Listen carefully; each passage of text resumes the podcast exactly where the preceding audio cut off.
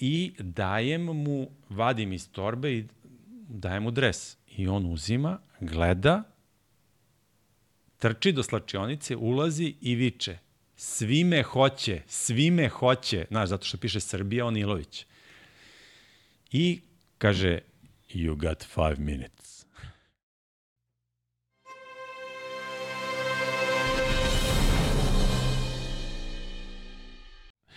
Pozdrav svima i dobrodošli u još jedan Ja Mile podcast.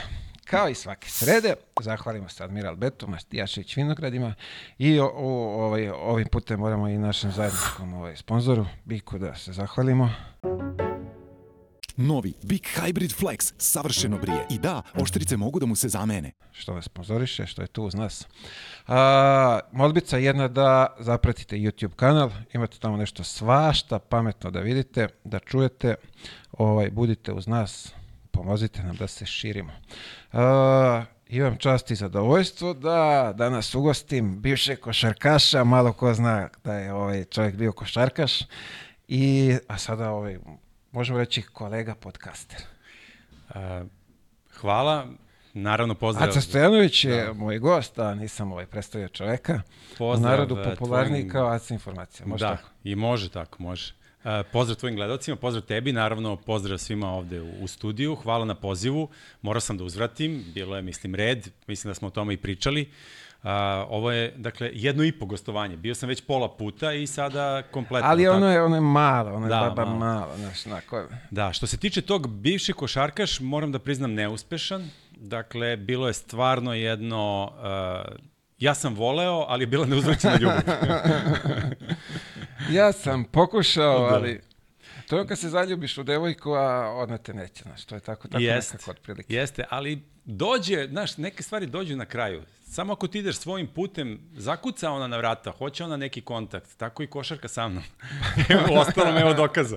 A to, je, to su lepote i čari, samo što mi ne prepoznajemo u, ovaj, u tom momentu da će to Ma ne vidiš posle ništa, ko zna koliko godina da, ne vidiš ništa. da se desi nešto. Ti gledaš samo tu, taj trenutak, ti ne vidiš dalje od narednih pet minuta. Što bi se reklo, ne vidiš dalje od, od ispred nosa, kako se kaže? Da, da, tako dalje od nosa, Dalje da. od nosa, da.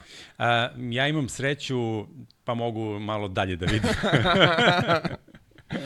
To si ti rekao. da, ja, ja, da, da, da. E, pazi ovako, ovde sam ovo zapisao, ne sme to da, da ovaj, ne, ne propustim. To što si spomenuo malo, taj deo gostovanja što si imao ovde, ovaj, sad mene zanima tu, a, pa da li smo te Duško i ja lepo ugostili tad jer smo bili nekulturni prema tebi?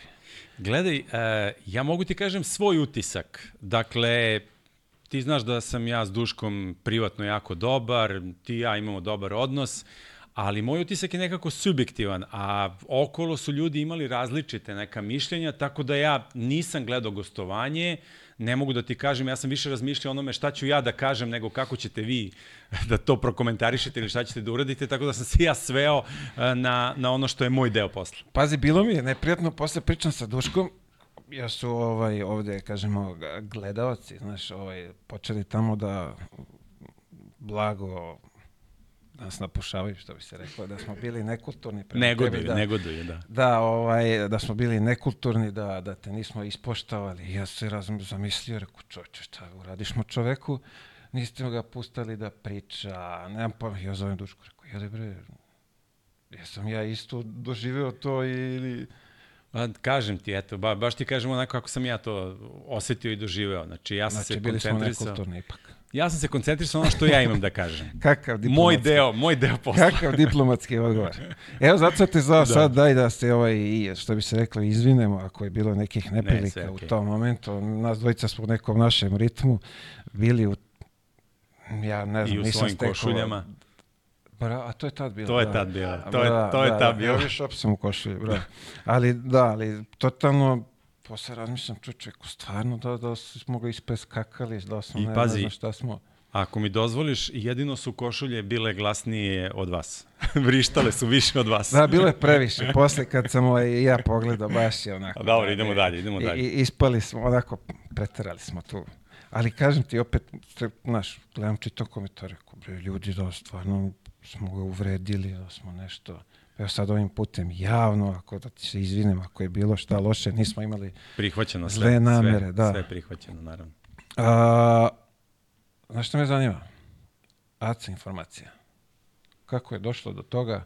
Kako si ti zadovoljan tim ovaj, nadimkom? Gledaj, čini mi se da, da u svakom nadimku ima bar malo istine, znaš. Ne, sigurno me ne bi zvali, nemam pojma.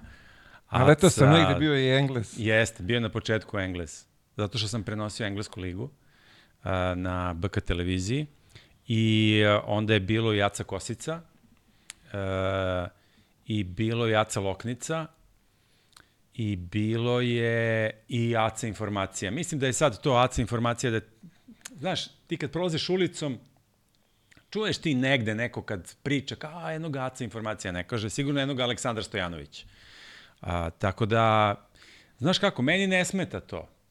To ne smeta mi taj nadimak, ljudi ga, našli su način zbog čega su ga osmislili, ne znam ko ga je osmislio i to mi je misterija, kao što mi je misterija ko osmišljava dobre viceve. Ja, jesi ti upoznao nekad nekoga ko je smislio vic? A, a viceva ima milion, tako i za ovaj nadimak, ne znam koga je prvi smislio, nemam ništa protiv, tako da eto, to je to. Ja, pazi, ima tamo i jedna ovaj, Instagram stanica koja veliki broj pratilaca ima sa, sa pod tim imenom, što bi se rekao. Jeste, je... istina je, ja ne znam ko je iza te Instagram stranice. Ima dečko, uh, pa sad me sramota da Strahinja se zove. Ali, ne znam da, stvarno prezime... ko je, pitali su me za to nekoliko puta, ja stvarno ne znam ko stoji iza te Instagram stranice. Da, strah, a, uh, kako mi sad? Ne bih, ne bih da, da, eto, neka se završi na tome da ne znam ko stoji iza te Instagram stranice. Vidi, ali pošteno je, nema ništa, ovaj, što bi se reklo, nešto, neko malovažavanje. Uglavnom je to sport, futbol, u... Kažem Jasno. ti da, eto, neka se završi na tome okay. sada. ok. Kako provodiš ti ove jesenje dane, tople jesenje dane? Uglavnom tako što radim svoj podcast, malo sam se na to fokusirao. Uh, u ostalom bio si gost na čemu ti zahvaljujem. Taj podcast je baš bio gledan i ispraćen i hvala ti na vremenu koje si izdvojio. Volim to da, da se malo više posvetim tome i eto o tome razmišljam i razmišljam kako sada sve to da uklopim, kuda to da ide. U ostalom, pretpostavljam kao i ti, uh, razmišljam šta da radim, na koji način da radim, kako to da izgleda bolje, kako da izgleda i profitabilnije, naravno, kako da bude sadržajnije, kako biti zanimljiv, drugačiji, a opet ne otići u krajnost.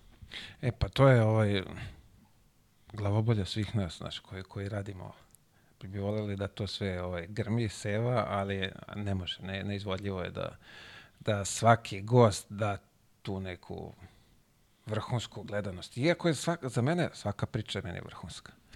Jako je interesantno meni, a pretpostavljam i tebi, da ti slušaš onoga sa kim pričaš, jer ti imaš priliku, imaš prednost, da ne kažem privilegiju, da možeš da pitaš ono što tebe zanima. Neki put i ne možeš da pitaš ono što te zanima, ali na kraju krajeva ti jedan na jedan ili ne znam, u ovom okruženju, u ovoj sredini, možeš da razgovaraš sa nekim o stvarima koje tebe interesuju. To je mnogo dobra stvar. I još za to si na kraju krajeva plaćen. Da. Mada ja mislim da i dalje uh, podcast scena nije lepo marketinški propraćena. Ne znam da ćeš se složiti sa mnom.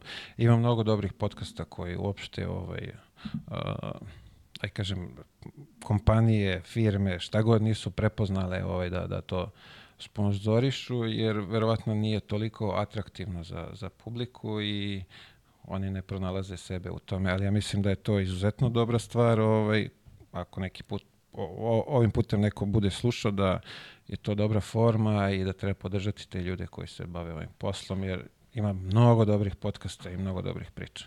Razlika između televizije i YouTube-a ili ne znam uh, Spotify-a ili uh, čega god gde ti možeš da slušaš te duže forme u tome što ti imaš mogućnost kao firma koja želi da ostvari neki svoj interes da se reklamiraš na gotovo svaki način.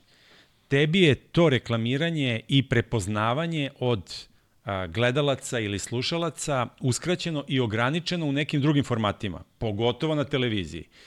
I na kraju krajeva, znaš šta, ima tu jedna stvar u vezi sa marketingom i, i načinom na koji se firme oglašavaju i predstavljaju. Mislim da neki put rade to prilično agresivno. Ti danas ne možeš da prođeš ulicom da te neko ili ne zaustavi i ponudi nešto, da ti iz nekog izloga ne iskoči neki svetlosni bim, da ne znam, ne otvoriš vrata od lifta, da tu opet nemaš neku reklamu, da šta god, pretpostavljam da, da znaš o čemu pričam, da ne govorim o tome, da, na primer, ako želiš da posmatraš nešto u nekom drugom formatu, da to ide u krajnost i tako dalje. Moja neka Moj neki princip je da ja želim saradnju sa sponzorima, ali ne neograničeno i ne po svaku cenu.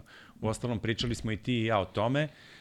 Znate šta, mi možda nismo medijske kuće, ali na kraju krajeva nismo ni došli bilo koga da prosimo za, za, za da. nešto. Hoćete, hoćete, nećete, nećete. Nemam ništa protiv. Samo nemoj da me ubeđuješ šta je moj interes. To mi se desilo nekoliko puta. Mislim da si i ti bio u sličnoj poziciji.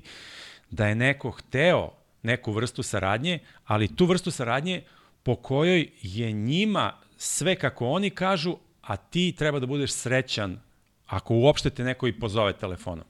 Ljudi, stvarno poštujem vas, ali pokažite i vi poštovanje s druge strane. I ima još jedna stvar koju sam pročitao u nekoj knjizi, jako dobra, rekao sam je nekoliko puta, pa da ne želim da mi gledalci ili slušalci zamere ako a, su već čuli. Ajde to što me lažeš, to ću još i da progutam. Ali to što me ubeđuješ da si u pravu, posle svega toga, pa preko toga ne mogu da preći. A, da, da, da, ima, vidi, teško je to. A danas je ovaj, tu stvarno ko, ko može, ko je spretan da, da ti proda tu priču, oni to smatraju uspehom, znaš. I ti, ti, si, ti razumeš šta on hoće i ti ga pustiš i on misli kao, sad, sad pobedio sam. Pa da, kažem ti, znači ti saslušaš i kažeš ne, hvala, a onda on kaže, ali slušaj, to je za tvoje dobro, i ti ovo, i ti ono. Nemoj čoveče, okej okay je sve, razumem te, hvala ti, saslušao sam te jednom, pokazao sam poštovanje, ali ne je ne. Mislim, nemoj sad, ima jedna situacija gde mi je neko ponudio nešto da radimo i rekao mi je, e, znaš šta, ali to je tebi samo sat vremena. Čoveče, ja ne mislim da sam najlepši, najpametniji, najduhovitiji, da sam najinteligentniji, najobrazovaniji. Ne mislim da sam ni u čemu naj. Ali do toga da ti mene pitaš za tih sat vremena, ja sam putovo čoveče 30 godina. Poštuj to, kako sam ja došao do tog mesta i do te situacije. Tako da, znaš, to kao merimo u minutima ili u satima. I rekao sam mu, hvala, ali stvarno, ja se stvarno nisam uvredio na tu prvu ponudu, koja je po mom mišljenju bila ispod, ispod, nekog, um, ispod neke granice pristojnosti. Ali posle toga kada je već krenulo, i ja sam stvarno, u principu sam ja okej okay dok, dok neko ne krene da bude drzak, bezobrazan ili tako dalje. I ljudi, kao što i sam znaš, u principu smatraju da je pristojnost znak slabosti. Uh, I onda na taj drugi razgovor samo sam rekao, molim te, ili molim vas, sad se ne sjećam da li sam persirao, nemojte me više zvati, sa vama ne želim da imam neki kontakt, odnos, ako neko želi iz vaše firme, neka me zove neko drugi i tako dalje. A, to me sad podsjeća kao na, na o, ove kompanije koje nude svoje usluge, ovaj, odali mobilne televizije. Znaš. I ti ako slučajno se a, zajebeš pa mu kažeš, e, zvaću te, Znači, on ne prestaje, on će zvati 300 puta da, da, da, bi, da bi te privolio da, da to je... Vidi, zajeba se par puta, rekao sam više nikad. Da, znaš šta... Odmah ta... i sečeš da. u startu, ne treba mi hvalati i čao zdravo. Ne prestaju ljudi da zovu, to je po tom principu, verovatno. I to da. verovatno prolazi, zato ovaj, i, i tako ide. Ja imam neku, uh, tako da kažem, sreću u nesreći. Uh, mislim, ne želim to da zvuči, da, da sad izlači iz konteksta, ali s obzirom da sam ja sad u ovom statusu u kojem jesam, a, moj a, poslovni broj nije aktivan, I, koji sam ja jedino koristio. I sada, znaš šta, nađite način, nemam pojma. to, tu sam u ovoj školu i ja prošao. Da, da, i ti, da. Čoveče, pa zovem te, šta da. je, desi, ne jeviš. Haos. Ali dobro, i to je ovaj isto neki, ovo, a dobro, to je, ne. na Da, to, to je druga, to je, mislim, sve, E, tu, sve kad smo ko- kod podcasta, zanima me sad, ovaj, a, kako ti gledaš uopšte na, na, na sad ekspanziju o- ove forme? Ja mislim da svako treba da pokuša da radi bilo šta što je na neki način kreativno. I podržavam te u tom tvojom pokušaju. Iskreno, iskreno, hvala Šalim se. Ali, e, gledaj, i treba da ima. I to je odlična stvar. Jer tu je konkurencija. Ajde da vidimo, znaš, ajde da vidimo ko je najbolji, ko je dobar. E, I ti sada, na primer, imaš neke stvari gde si, koje si stvarno dobro uradio. Shvataš, znači, nema, ne, ne, ovo nije šala, nego ti, Ne, ti kao što ja- pohvala je, pohvala Ne. stvarno. Ne, nego sad dok ti pričaš, ja razmišljam o nekoj, to ću sad posle. Da. Ajde, završi, završi. Znači, ima stvari u kojima si odskočio u odnosu na druge podcaste, ne znam, Otašević. Znači, čovek je napravio, um, kako da ti kažem, napravio si odličan posao s tim i to treba odati priznanje. Ne znam, Luka i Kuzma rade ovo, Agelast radi ono, vidim da je sad popularna tampon zona, znaš, to je ono što si ti rekao kod mene u podcastu, ako se sećaš. Hajde ljudi da radimo kvalitetno, dobro i onda će se stvari napraviti i boljima. I mene čini, iskreno ti kažem, na neki način opreznijim to što postoje više podcasta, više ljudi, više se uh, ljudi uključuju u to. To je fair tekma. Izvoli, pokaži koliki si, kakav si, jesi dobar, kao i u bilo kom poslu. Jer razlika između, na primer, YouTube-a i TV-a ili radija ili neke druge forme, ti si ovo sam uradio i sam si krenuo u ovo. I nema tebe ko sad da zove ili da ti kaže, e Mile, a znaš šta, ima tu jedan dečko, dugujemo, može on da vodi umesto tebe malo? Daj, pusti kao, znaš, dobar je i tako dalje i nemam pojma, Znam u familiju da proba. na primer. Tako da je to dobra stvar. Ja sad nadam da nećemo sad ići u neke krajnosti, ja sad Znate šta, ono, uvek se nešto ograničavam, jer stalno ti neko nalazi kada kažeš neku rečenicu ili nešto izjaviš, neko ti kaže jeste, jeste, ali tamo gde si stavio zarez, da li si ti mislio na ovo ili ono? Ne, ja pričam sad ono generalno. Sjajno je što ima podcasta, treba da ih bude, mislim da su mediji jako bitni za svaku oblast. To znaš u ostalom i sam. Apsolutno. Mislim, ima tu svašta pametno da se kaže, znaš, gde, gde ljudi ne mogu da, da dobiju prostora na televiziji, jer smo zatrpani smećem, tako da ovo je neki, ok, mi smo sportska priča, pa je, aj kažemo zdravije, ali imaš tamo nekih tema koji ljudi ne mogu dođu do, do, do TV-a da to kažu, pa je ovo, ovo neki kanal koji je pristupačan svima i, i mogu da čuju i ja to podržavam i svaka čast što više ljudi što ti kažeš da, da je uključeno, da je tu, dobro je. Htio bih samo jednu stvar da kažem ljudima, na primer, koji gledaju. Slušajte, ima jedna stvar koja je jako bitna, a to je, bez obzira na to šta smo mi radili ranije ili šta radimo, da li imamo još neki paralelno posao, interesovanje, da li smo došli iz bogate kuće ili su nam, ne znam, ili su nam Ili mi je tata kupio. Da, ili su nam supruge bogate, šalim se. A, mi pokušavamo da opstanemo na nekom ekonomskom nivou.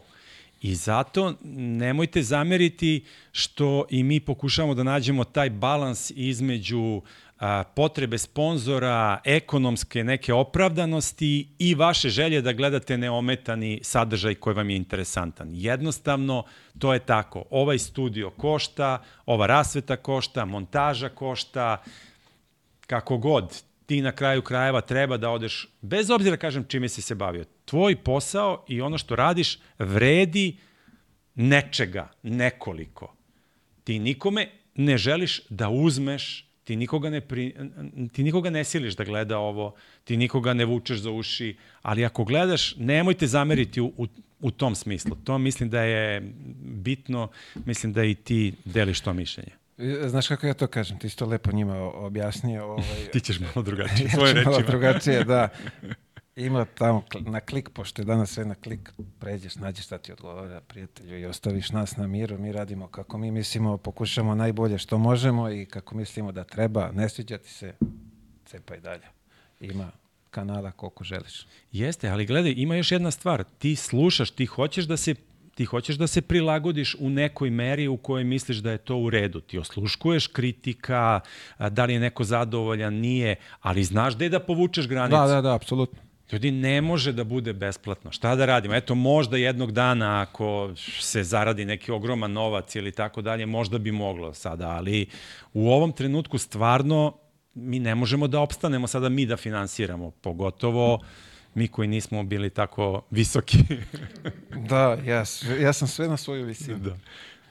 Dobro, nije sigurno samo to. Vidi da nije bilo visine, Da. ko zna šta Za, bi tu bilo. za nije bilo Je, visine i ti bi sedeo ovde sad. Da, pitanje je da li bi ja stigao do, do, do ovih, o, do ovih, ovih- svetala. Do ovih visina. Da, da, nije bilo visine. da. Ali opet sad, kad gledamo moju stranu, ja uvijek kažem da nije bilo rata, pitanje je da li bi ja napustio svoje selo, znaš. To je isto, nekom je, ovaj, nažalost, rat nikom ništa nije dobro doneo, ali neke stvari se, ovaj, napustiš taj svoj plac, šta god, kuću, stan, ideš dalje i onda se snalaziš tamo, tako da ima tu i nekih dobrih stvari. A mogu ti reći da je za vreme rata, ovaj, kad smo već tu kod toga, seća se nekog momenta, meni to bio jedan od, od lepših, ovaj, ne znam da sam pričao kod tebe, sam pričao kod tebe, ne? E, Negdje si pričao, ja mislim da sam ja, moguće da si baš kod mene pričao, da si, e, da, si, da ti ono bilo opušteno tamo u, u selu dok nije, nažalost, pala bomba, da si tamo živeo. Da, da, ne, ne, ne, ne, ne, to je bi- bilo nešto, uglavnom, uh, neka akcija tu sumanuta bila ovaj, u, u mom kraju, uglavnom došla neka vojska i, znaš kako vojska, ono, uzimaš šta god joj treba da bi se ovaj, prehranili i oni su neke ove prodavnice porobili i pošto je u mojoj kući bilo njih ne znam koliko, ovaj, oni su doneli tu pune džakove slatkiša. I oni kad su to završili, otišli i ostali svi slatkiši. Znaš ti kako je meni tad bilo dobro. Klinac, to je znači 8 godina, dva džaka slatkiša u kući. Da, E, bre. A u stvari ovamo, ono, Bože, sačuvaj, ali jest. taj moment, Da. ali imaš, hoću ti kažem, možeš i neke iz tih uh, loših perioda i neke lepe stvari da pamtiš. Ja nisam tako loše prošao kao ti i tvoja porodica, nisam bio prinuđen da se selim, ali ne daj Bože ponovo. Ne, Ne daj ali Bože. pazi, evo sad opet imaš... Ovo je, da, znači, ovo što se dešava, Je, Nemojte ljudi, nemojte bolje mislim, da ako bude mi mir. možemo nešto da, Da. apelujemo, mislim, nas niko Da, neće za neće te stvari ali- ovaj, šljiviti 2%, ali... Molim vas za mir. Molim vas. Svuda u svetu. Ako može, mislim, jadna deca da ispaštaju katastrofa. Daleko bila. Uh, vidi ovako, tebe svi povezuju sa futbalom. To si, ovo mi drugi put kažeš. To si mi rekao Da. i u mom podcastu. Tako je, da. Ali evo ti si sad meni rekao da ti si ovaj, pokušao i košarku, da si tvoja prva ljubav. Gledaj, ja sam, kad smo pričali, kad smo se dogovarali, ja sam ti rekao da hoću da gostujem pod uslovom da ne pričamo o stvarima van ili nekim stvarima o kojima ljudi izgleda bolje znaju od mene koje, u, u poslednje To je vreme. danas normalno. Da, samo nek stave lepo sliku. A, to je najvažnije.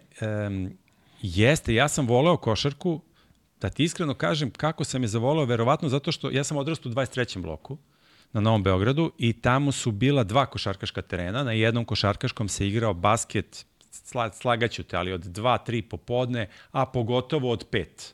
4-5, dok ne padne mrak. I tu je dolazila ozbiljna ekipa. I ti, iako si klinac, iako ne znaš mnogo, ti vidiš ko je tu bolji, ko je tu kvalitetniji, ko tu dobija, poistovećuješ se sa tim momcima, gledaš koje patike nose, kako igraju. Sećam se jedne anegdote da je neko doneo, ne znam kako, pazite, ja sam davnih dana bio klinac, da je neko doneo, ne znam odakle, neku nalepnicu, i zalepio na tablu i na kojoj je napisao zabranjeno udarati glavom.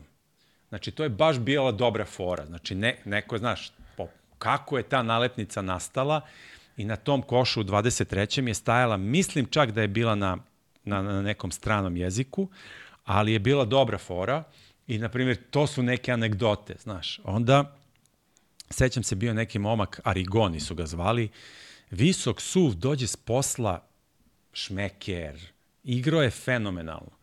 Onda je igrao, ja se sećam, Mute Nikolića, Muta Nikolić je igrao ozbiljan basket i nisi mogu da mu uzmeš loptu. Kad se on pojavi, tu kad se on pojavi, kad dođe na basket, to je značilo da ostaju najbolji, dve ili tri ekipe i tu je fight, ozbiljan. I ti sad sedneš sa strane, bile su neke stepenice, sedneš sa strane, gledaš, ponosi svoju loptu, jer bez svoje lopte ne bi mogo ni da igraš. I tu tako, tako nešto tapkaš i tako sam ja zavoleo basket. I sećam se da je neki tip uh, dolazio na basket i nosio je, ne znam da li se neko od vas se verovatno seća, ovi stariji, nosio je poni neke patike. Kako Poni su patike. to bile dobre patike, da. Znači, vrh, ne znam sad šta je s tom firmom.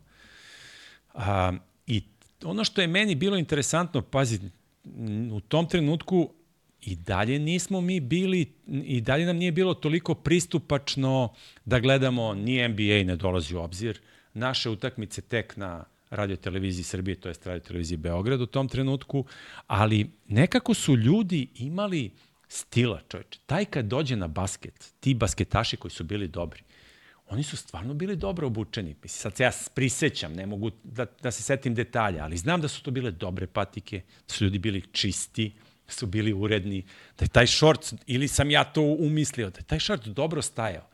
Znaš, da je ta majica bila kako treba, znaš, da su ono, izgledali uljudno, gospodski i šmekerski. Tako da je to neko moje sećanje i odatle ta moja ljubav prema košaci i odlazak na, na, na treniranje. Kako, kako izgledalo to na treningu? To, to. Prvog treninga se ne sećam, da znaš, ali se sećam nekih sala, nekih detalja i tako dalje. Uh, u to vreme uh, Partizan je imao, Partizan i Zvezda, Zvezda je tada počinjala da ima jako dobru košarkašku školu, u ostalom imali su oni dobar tim i ranije, ali Partizan je nekako u tom trenutku meni bio bliži zato što su jednostavno i trenirali u školi u kojoj sam ja igrao, 7 sekretara skoja. Moguće da je na mene uticalo i to što je Slaviša Koprivica iz 23. bloka, koji je išao sa mnom u osnovnu školu i koji je već tada bio na neki način poznat u kraju. I bio je između ostalog poznat u kraju, M što je bio visok, plav, M što je kao igrao košarku za Partizan, M što je mogao, verovo ili ne, a, da dodirne stopalom prečku na rukometnom golu. A, I znalo se da je on talentovan. Sad niko od nas nije mogao da, da, da zna koliko, ali to su neke stvari. I onda sam ja išao u 7 sekretara Skoja, u 20. oktobar, to je čuvena takođe škola koja je iznedrila mnoge košarkaša na ovom Beogradu. Moj I prvi trening tamo. tvoj, Da, stvarno? da, da. Sa linoleumom onim zelenim? Da, da, da. Da, da, da. Ozbiljna škola, uh, baš je bilo interesantno i tada je trener bio Aca Janjić i još jedan stariji čovek kojeg se ne sećam kako se zove, ali je mene nešto kasnije trenirao Nenad, Trajković. Nenad Trajković. I ja i dalje vučem jednu, ako mogu tako kažem, traumu iz detinjstva. To nikad neću zaboraviti.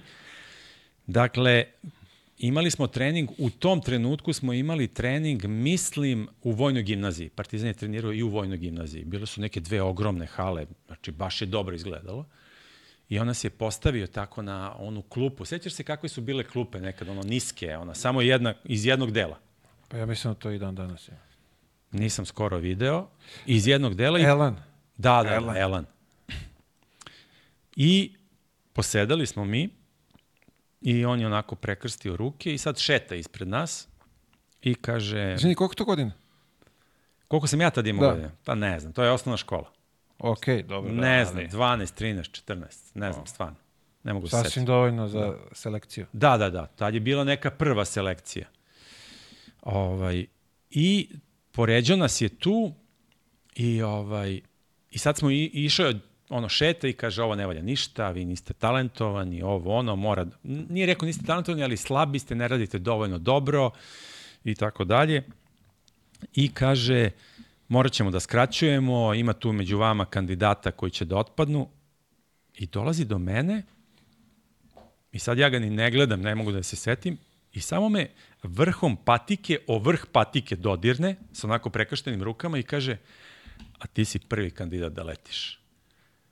Ja u zemlju propao. Znači, wow. meni teško i tako da. Pazi, nisam ja nikad bio neki ekstreman talent.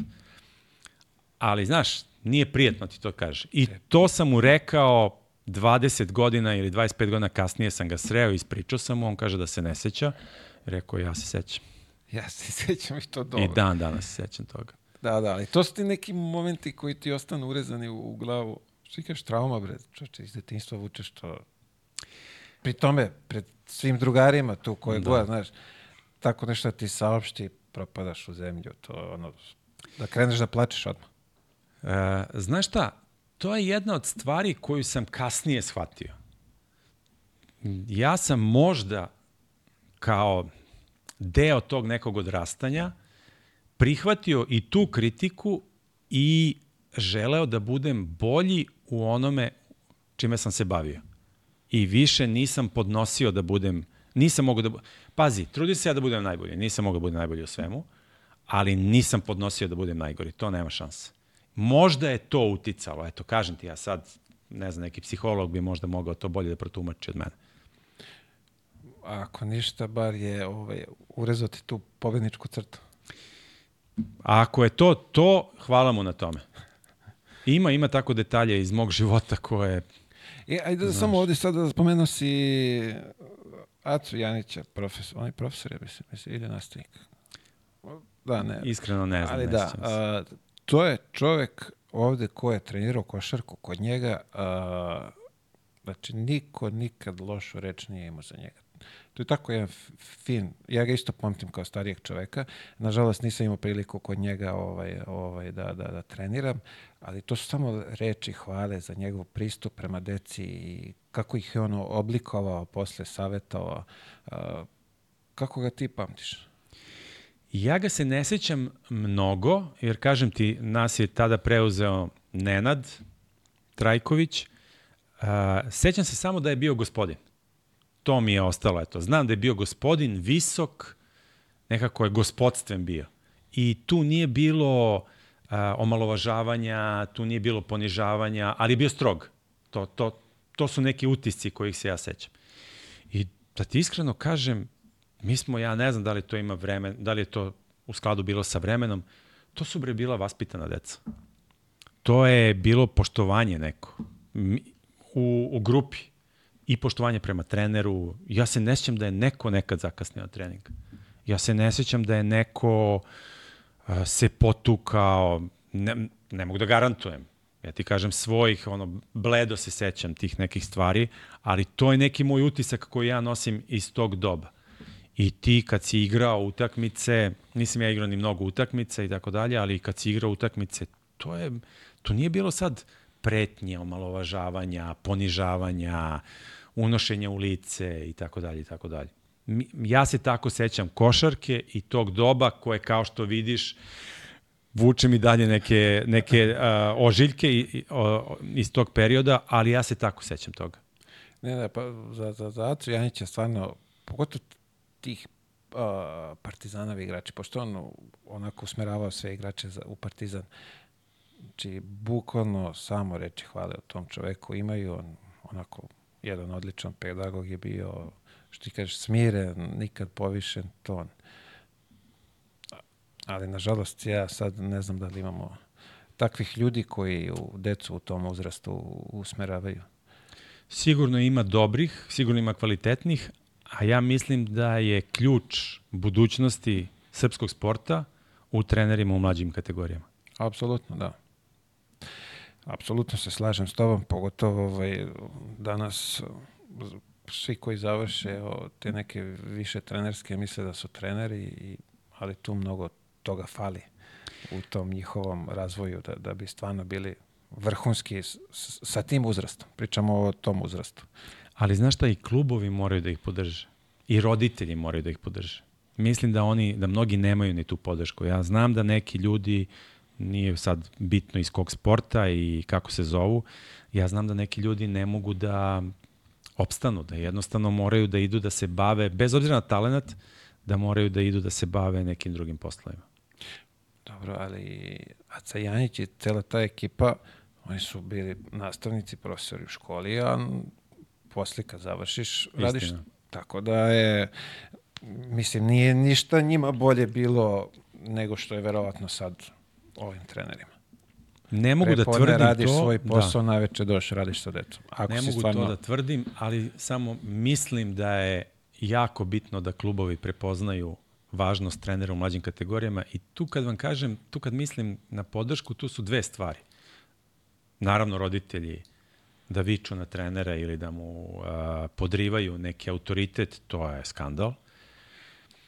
A druga stvar je i koliko god to zvučalo bez veze, koliko god to zvučalo možda i kao fraza, njima treba solidna plata.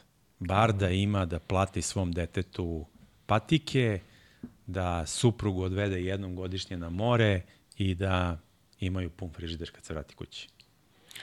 Mislim, sad, kad si to rekao, uh, to je baš neki minimum koji taj čovek ili žena kogod se bavi tim, to je poražavajuće da mi kažemo da taj čovjek mora da ima minimalnu platu za to. Je, ja sam uh, da- da taj bude, mora bude dobro plaćen za taj posao s obzirom da radi s decom u, u, u tom uzrastu.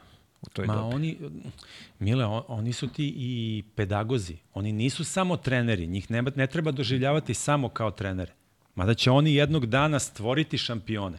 Jer pazite, ako je nešto ovo, ova zemlja, ja sad neću pričam o područje, podneblje, sad nema, nema šta da se širim ja na druga područje podneblja, pričam o Srbiji, ako je nešto Srbija dokazala do sada u istoriji, to je da ima talenat i da može da napravi vrhunski rezultat. I da ima, da imala ljude ili ima ljude koji to mogu da urade. Jasno sve. Ali dobro. Bolje slupati pare ovaj, Partizan i Zvezdu, ako može, daj im po 100 miliona svi, pa da To ne mogu da vadimo. komentarišem, ti sam znaš. Znam, zato nemoj kažem. Da me, Zato nemoj da me navodiš. Ti si iz ovog drugog sporta, da je još više para ima. Mislim, okej, treba budu plaćeni, sve super, daj bre, nema se zajebamo. Ali dobro. E, recite meni, ovaj, posle tog o, saopštenja Nenada Trajkovića, tebi je stigao Da. odustao definitivno ili si pokušaš negde malo da zagrebeš? Pokušao sam još jednom da zagrebem u OKK Beogradu i bio sam na jednom ili dva treninga i uh, uh, setio sam se kako se zove čovek koji je bio, bio isto taj neki selektivni trening i ja sam mu prišao posle, Veselin Matić se zove čovek, A, bravo. I uh, pitao sam, naravno mi smo persirali trenerima, pitao sam, izvinite, šta mislite i tako dalje i on mi je otprilike, nije mi rekao tako direktno kao Nenad, već mi je rekao, ne mogu da ti kažem, ali ima talentovane dece, bit će teško, možeš da se boriš. Rekao mi je otprilike da je bolje da idem da se bavim nečim drugim. I to onda sam to prihvatio tako. Ali je svakako bilo blaže. Jeste, bilo je blaže. Gledaj, znaš šta, ja ne znam koji je to trenutak kad ti shvatiš da nešto treba da prestaneš, kako prepoznati. Ja sad kad bi mi neko rekao, ja mislim da čovjek treba da testira sebe dokle god može, ali u jednom momentu ti treba da shvatiš da li je to realno ili nije. Moj san je bio da budem sportista, nisam ga ostvario. Nisam, očigledno da ja nisam bio nešto dovoljno dobar u tome. Bez obzira da li je to košarka ili futbal ili šta god. Znači ja nešto nisam dobro radio istina, ima guranja, podržavanja, um, nepravilne selekcije, pozitivne diskriminacije, ako hoćete da vam kažem tako, ali na kraju krajeva onaj koji je ekstreman, ekstreman talent, ukoliko je uporan, on će negde isplivati. Uh, ok, ti kažeš, više puta sam o, o, polemisao ovde sa, sa gostima oko toga kao guranja roditelja. Sve to uh, može da se radi u tim mlađim kategorijama. Ali, hoću kažem, što ti kažeš, ako si u, talentovan i ekstremno uporan u tome, uh, kad dođe taj neki profesionalni nivo, tu mama i tata više ne pomažu. Jer niko Saglasan neće sam. da da pare za tebe ili mama da plaća, a ti da remetiš ceo koncept prvog tima, šta god. Znači, to može u tim mlađim kategorijama, mada i tu se vidi da ne pripadaš. Znači, ako nisi talentovan, ja ne vidim, ne može, ne može ne- neko da me ubedi da, je, da će roditelji da ti proguraju da naprave karijeru. Ako ti ne znaš, ako nisi talentovan, ako si kilav, ako šta, to što te tata i mama guraju, ne može ti pomoći. Nije sad tu samo pitanje o- roditelja. Tu ti je pitanje i kluba, tu ti je pitanje i sredine, tu su još neka druga pitanja, ali stvar je u tome da jednostavno život nije pravedan. Ljudi, nemojte da se zanosimo time. Ja stvarno volim filmove sa srećnim krajem. Ali, nažalost, to nije uvek tako. I zbog toga je jako bitno da budeš uporan. Mislim da je upornost možda najjačka ljudska osobina. Ne govorimo o vrlini. Mislim da je naj, najznačajnija ljudska osobina. Možda, ne govorimo o vrlinama. Tako da, ako imaš podršku prijatelja, porodice, mislim da je porodica najvažnija, odmah da to kažem, znači tu nemam nikakvu dilemu. A, ako imaš podršku sredine, prijatelja, roditelja najviše, jako je bitna devojka ili dečko, to je mnogo važna stvar, jer to su osobe koje u tom uzrastu, ako već pričamo o mlađem uzrastu, koje te poremete najlakše, i ja sam bio zaljubljen, pa igram utakmicu, lopta leti, a ja razmišljam, gde je ona sada? Da li je ona sad s nekim ili... Ti si baš bio zaljubljen. Jo, bio sam jako zaljubljen. I, na primjer, to je greška. Čekaj, kako možeš da razmišljaš? Ajde sad, evo, kad si me već čačnao. Kad sam tebe čačan. Kako možeš da razmišljaš, brate, o devojci ako igraš utakmicu? Kažem ti, to, znači nisam bio dovoljno dobar. E, Zato nisi uspeo. Ja sam saglasan i pazi, opravdano je što ja nisam uspeo. Ja sam potpuno miran s tim. Znači, ja nisam bio dovoljno dobar. I, znaš, ja to moram negde sebi da priznam. U nekim situacijama, znaš, jako je bitno, po mom mišljenju, da budeš realan prema sebi. Iako mislim da oni koji nisu realni prema sebi bolje prolaze, ali eh, ja se trudim da, da budem koliko god mogu. Zato što onda vidiš gde ti je mana, znaš. A kad vidiš gde ti je mana, možda možeš, možda si na pola puta da ispraviš. Ali teško je to prepoznati. Ah, teško je to Pogotovo prepoznati. biti realan prema sebi. Maj. Ja ovo ne znam, pa kao... Ma de, pa, malo, malo, znaš, to je mnogo, mnogo teško. Znaš i sam. I još je isto teško da ti to neko kaže. Da ti kaže, e, slušaj, dečko, nisi ti dovoljno dobar. Kako ćeš ti to prihvatiš, kako ćeš se nosiš s tim?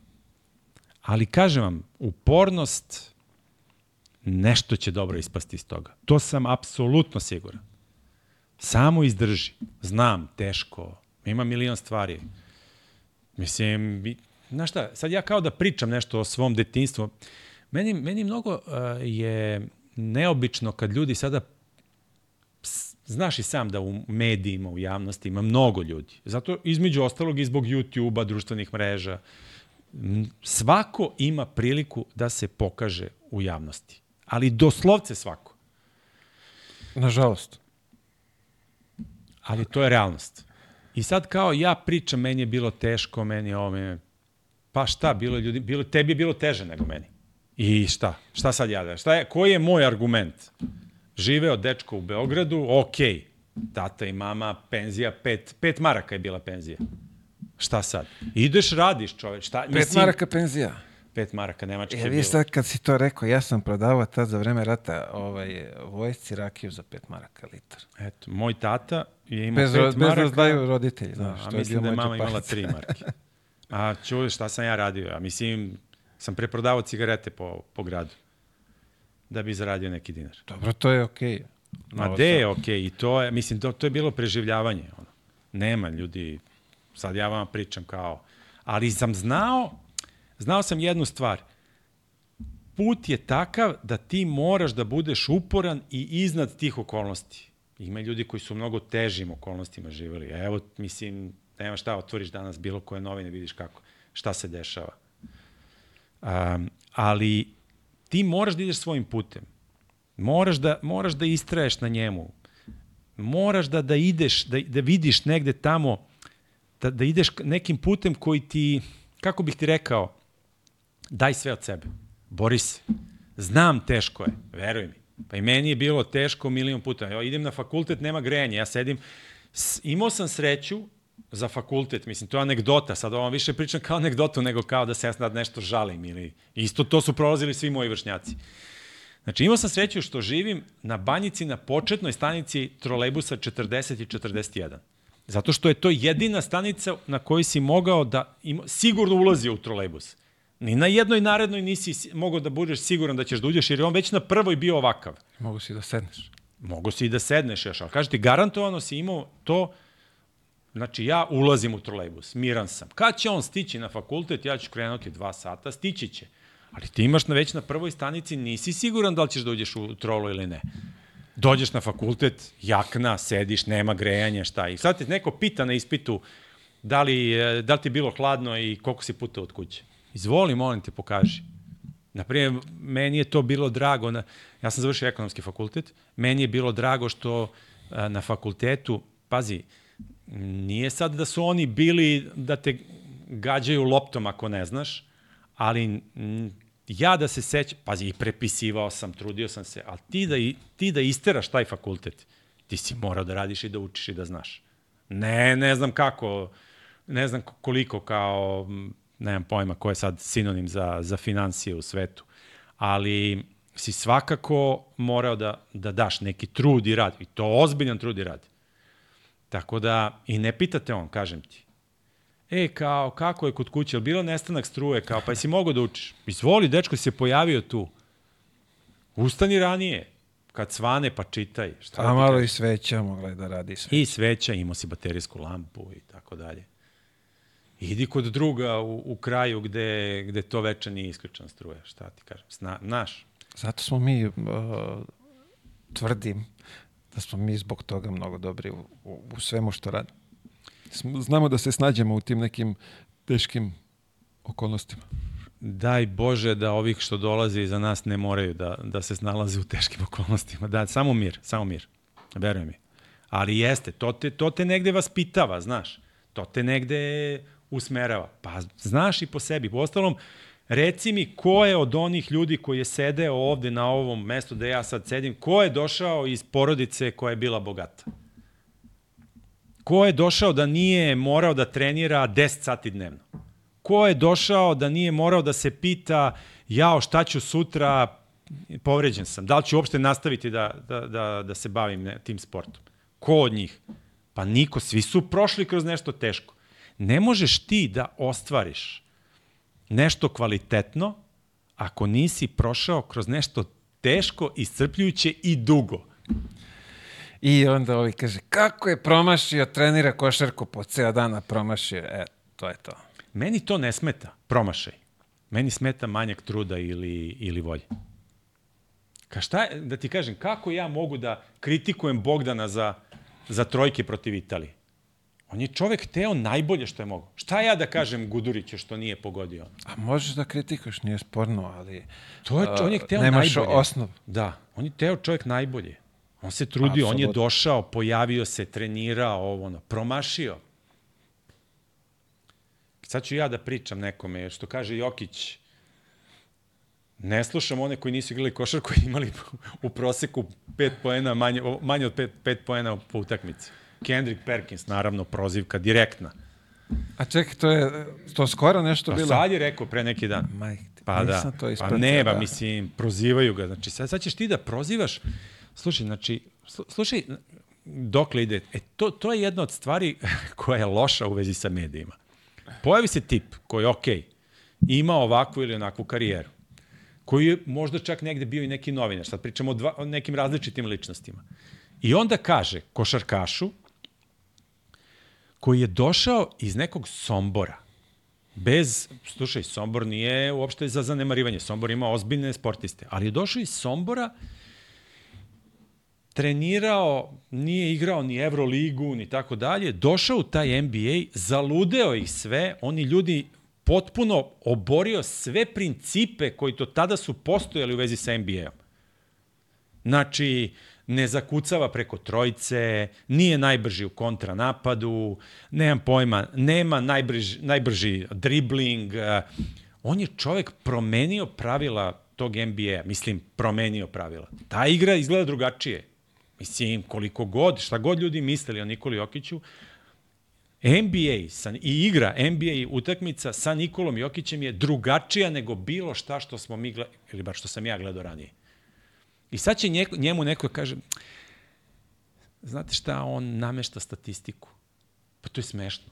Pa to, to treba da te bude sramota. Pa čove, ako čovek pobeđuje i namešta statistiku, onda Michael Jordan može jednostavno da sedne sa strane i da zapisuje. Mislim, naravno, ja mislim da je Michael Jordan najbolji igrač svih vremena, ali ko to možda namešta statistiku i da pobeđuje istovremeno? Ko je to taj tip? Pri tome Johnny nije taj tip uopšte. Onda namešta statistiku. Pa ljudi, ja sam gledao, ja sam napravio, imam na, na Instagramu negde, a možda čak i na YouTubeu, ka, kao Mile kad je došao kod mene, sad i ja uzrećam. Pogledajte YouTube kanala Lesto. I, Tako je, zapratite, da to Instagram, viš, da, nismo, da. ovaj, ni- nismo na početku. Ja sam našao podatak da je on, na, mislim da je na 29 utakmica, mu je nedostajao poen, skok ili asistencija za triple, triple double. Znaš ti šta je to? A da ne pričam da je u nekim utakmicama ostajao na klupi, da je mogo traži trenera da daj ubaci me ili tako dalje. Znači, baš imam podatak, baš sam tražio jedno veče.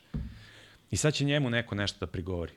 Šta god... Pazi, mislim ali da- moraš tamo, to je ta, vidi, mediji su, znaš, u, iz tog si sveta, oni moraju da imaju takve i bad guys i good guys i mora tako jedna glava da se pojavi da bi to imalo smisla, znaš. Mile, ja sam saglasan s tim. pitanju je rating, kako kaže ova jedna ovdje gospođa, ti šerovi i ovo, Da. znaš, to je... Ali Mile, čovječe, sve to u redu, ali nemoj da ga omalovažavaš, bre.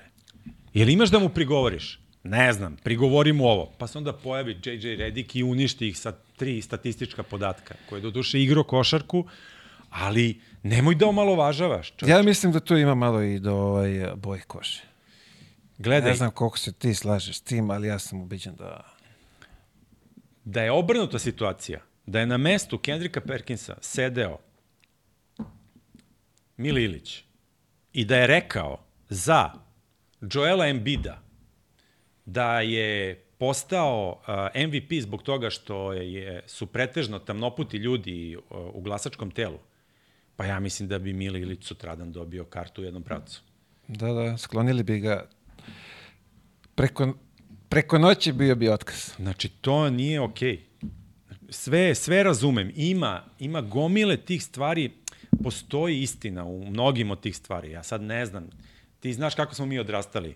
Meni je Danny Glover koji je glumio, sa, glumio u ovom, kako se zove, pomozite mi, u onim serijalima sa, sa Mel Gibsonom, meni je on bio šmeker. Mi smo od, odrastali da su tamnoputi ljudi cool tipovi.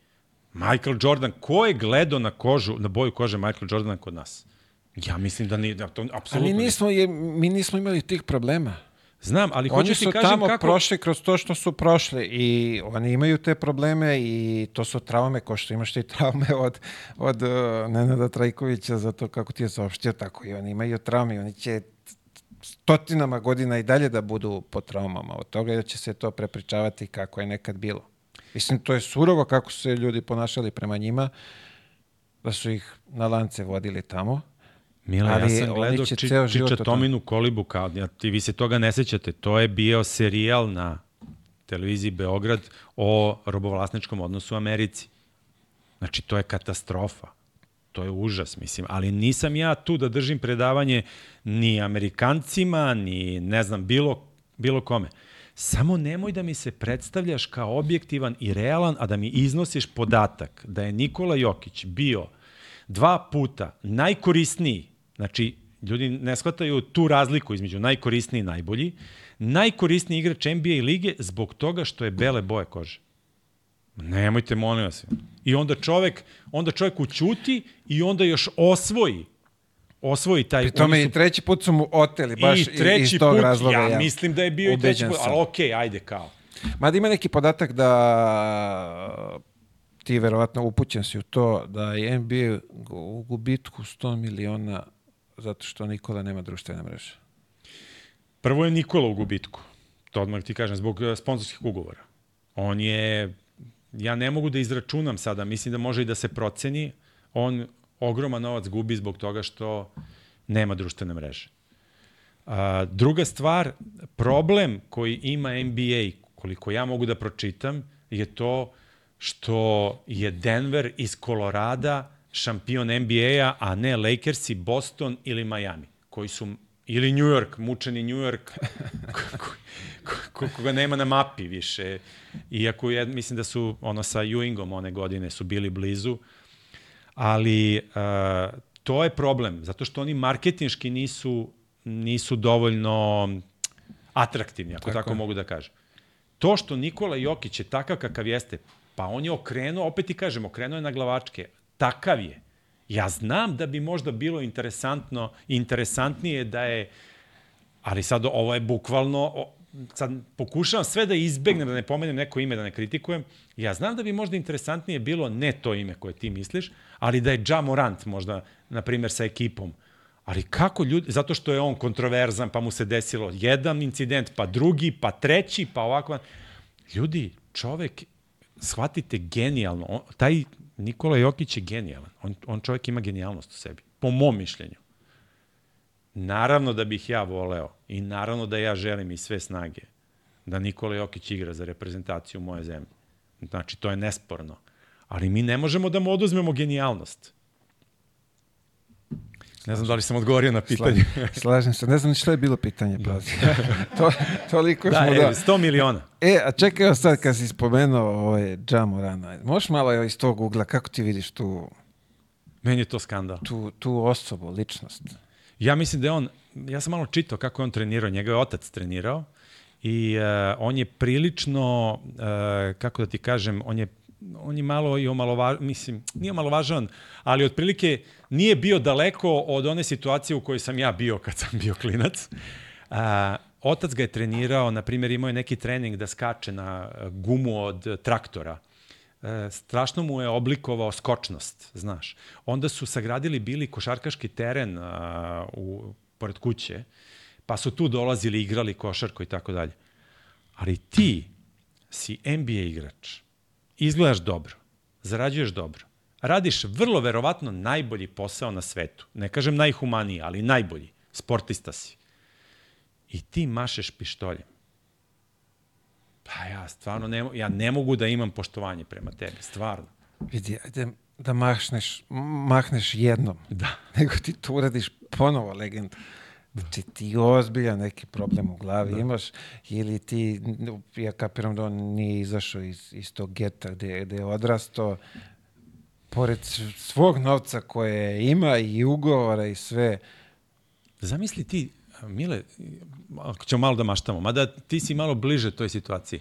Zamisli igraš košarku. ja maštam i dalje, Da, da, da, me ovaj, da. Da, ali ti si bio, kažem ti, bliže toj situaciji, možda si i dalje blizu. Zamisli to, igraš košarku, baviš se sportom, a, ono, kažem ti, popularnost, ajde, manje više, ali ti i ona daje neke prednosti, više nego mana. Mo, imaš mogućnost da radiš bilo šta na ovom svetu. Da odeš u restoran, da otputuješ, da naučiš nešto, da gledaš šta hoćeš, da se družiš principu sa kim hoćeš. Ti znaš da javne ličnosti imaju tu mogućnost, jednostavno lakše ti je. Da odeš da uradiš jednu, drugu stvar, da na kraju krajeva, bre, da odeš u taj svoj kraj, da šutiraš tu loptu. Ti se voziš autom i mašeš pištoljem. Kakav manjak kreativnosti. Lepo si ovo ublažio na kraju. to ti je, to, da, reci. to ti je, moj, Lepo to ti je moj da. život, ublažavanje. Da ne kažem kako su zvali Ali Dragana bre Nikolića u bre, otpisanju. ovo je, znaš, ovo je podcast ovdje slobodno, ali dobro, okej, razumem te. Imam, si- imam, jedan, imam jedan dobar savet, sam, uh, sam čuo od uh, jednog svog bivšeg urednika, Zorana Đukića, na BK televiziji. On je govorio, uvek se trudite da privatno govorite onako kako biste govorili na TV-u, zato što će vam se oteti. Okej. I tako se, na primer, meni ili nekom od kolega otelo. Ja ne mogu setiti, ja sam sigurno pravio greške, ali znam da je u jednom trenutku smo se mi šalili u, u redakciji svojevremeno Martina Higgins smo je zvali umesto Martina Hingis. Ali sve Higgins, Higgins i ti, tebi ode u prenosu. Da, Da, ili kad da, da, čitaš da. vest, ode ti jednostavno podsvesno. Tako da, molim uh, sve moje prijatelje da imaju razumevanja što ja vrlo redko psujem i koristim neprimerene izraze. Da. Što nije uzbudljivo kada E, e, ali izađete slušaj. prvi put s devojkom ili odete na basket, ali je jednostavno tako. Novi Big Hybrid Flex savršeno brije. I da, oštrice mogu da mu se zamene. Svaka ti čast, ja ovaj, cenim, poštujem, ja nisam baš toliko ovaj, fin, ne persiram svima, ali ovaj, Imam znam, anegdotu. ja imam nekog kome mislim da ko zaslužuje da se persira i sve to, tako da kod mene to je neki ovaj, drugačiji su aršini. A, NBA Liga počinje. Šta očekujemo? Kako ti to vidiš iz tvog ugla? Da li može back to back? Ne da može, nego će da bude. Pa vidi, Lakers su nešto namračili, vidim da su se baš onako žestoko naljutili, oni su primili to baš teško, kada su titulu izgubili od njih. Od Denvera, baš de, den, pričamo o Denveru. Da, razumem, razumem. E, gledaj, ja moram da priznam da prva stvar koju uradim ujutru je da vidim e, otvorim i da vidim kako su igrali srpski košarkaši u NBA-u. Znači, to je, tako počinje moje jutro otprilike u informativnom smislu. Da vidim kako je igrao Bogdan, Nikola, znaš, kogod, Nikola Vučević, ja njega svrstam u tu grupu, um, kogod, ne znam sad, Vasa kad bude došao, Bobi, uh, Bijelica kad je igrao i tako dalje i tako dalje. I ja moram da kažem da ja više, da ja priznajem da gledam navijački.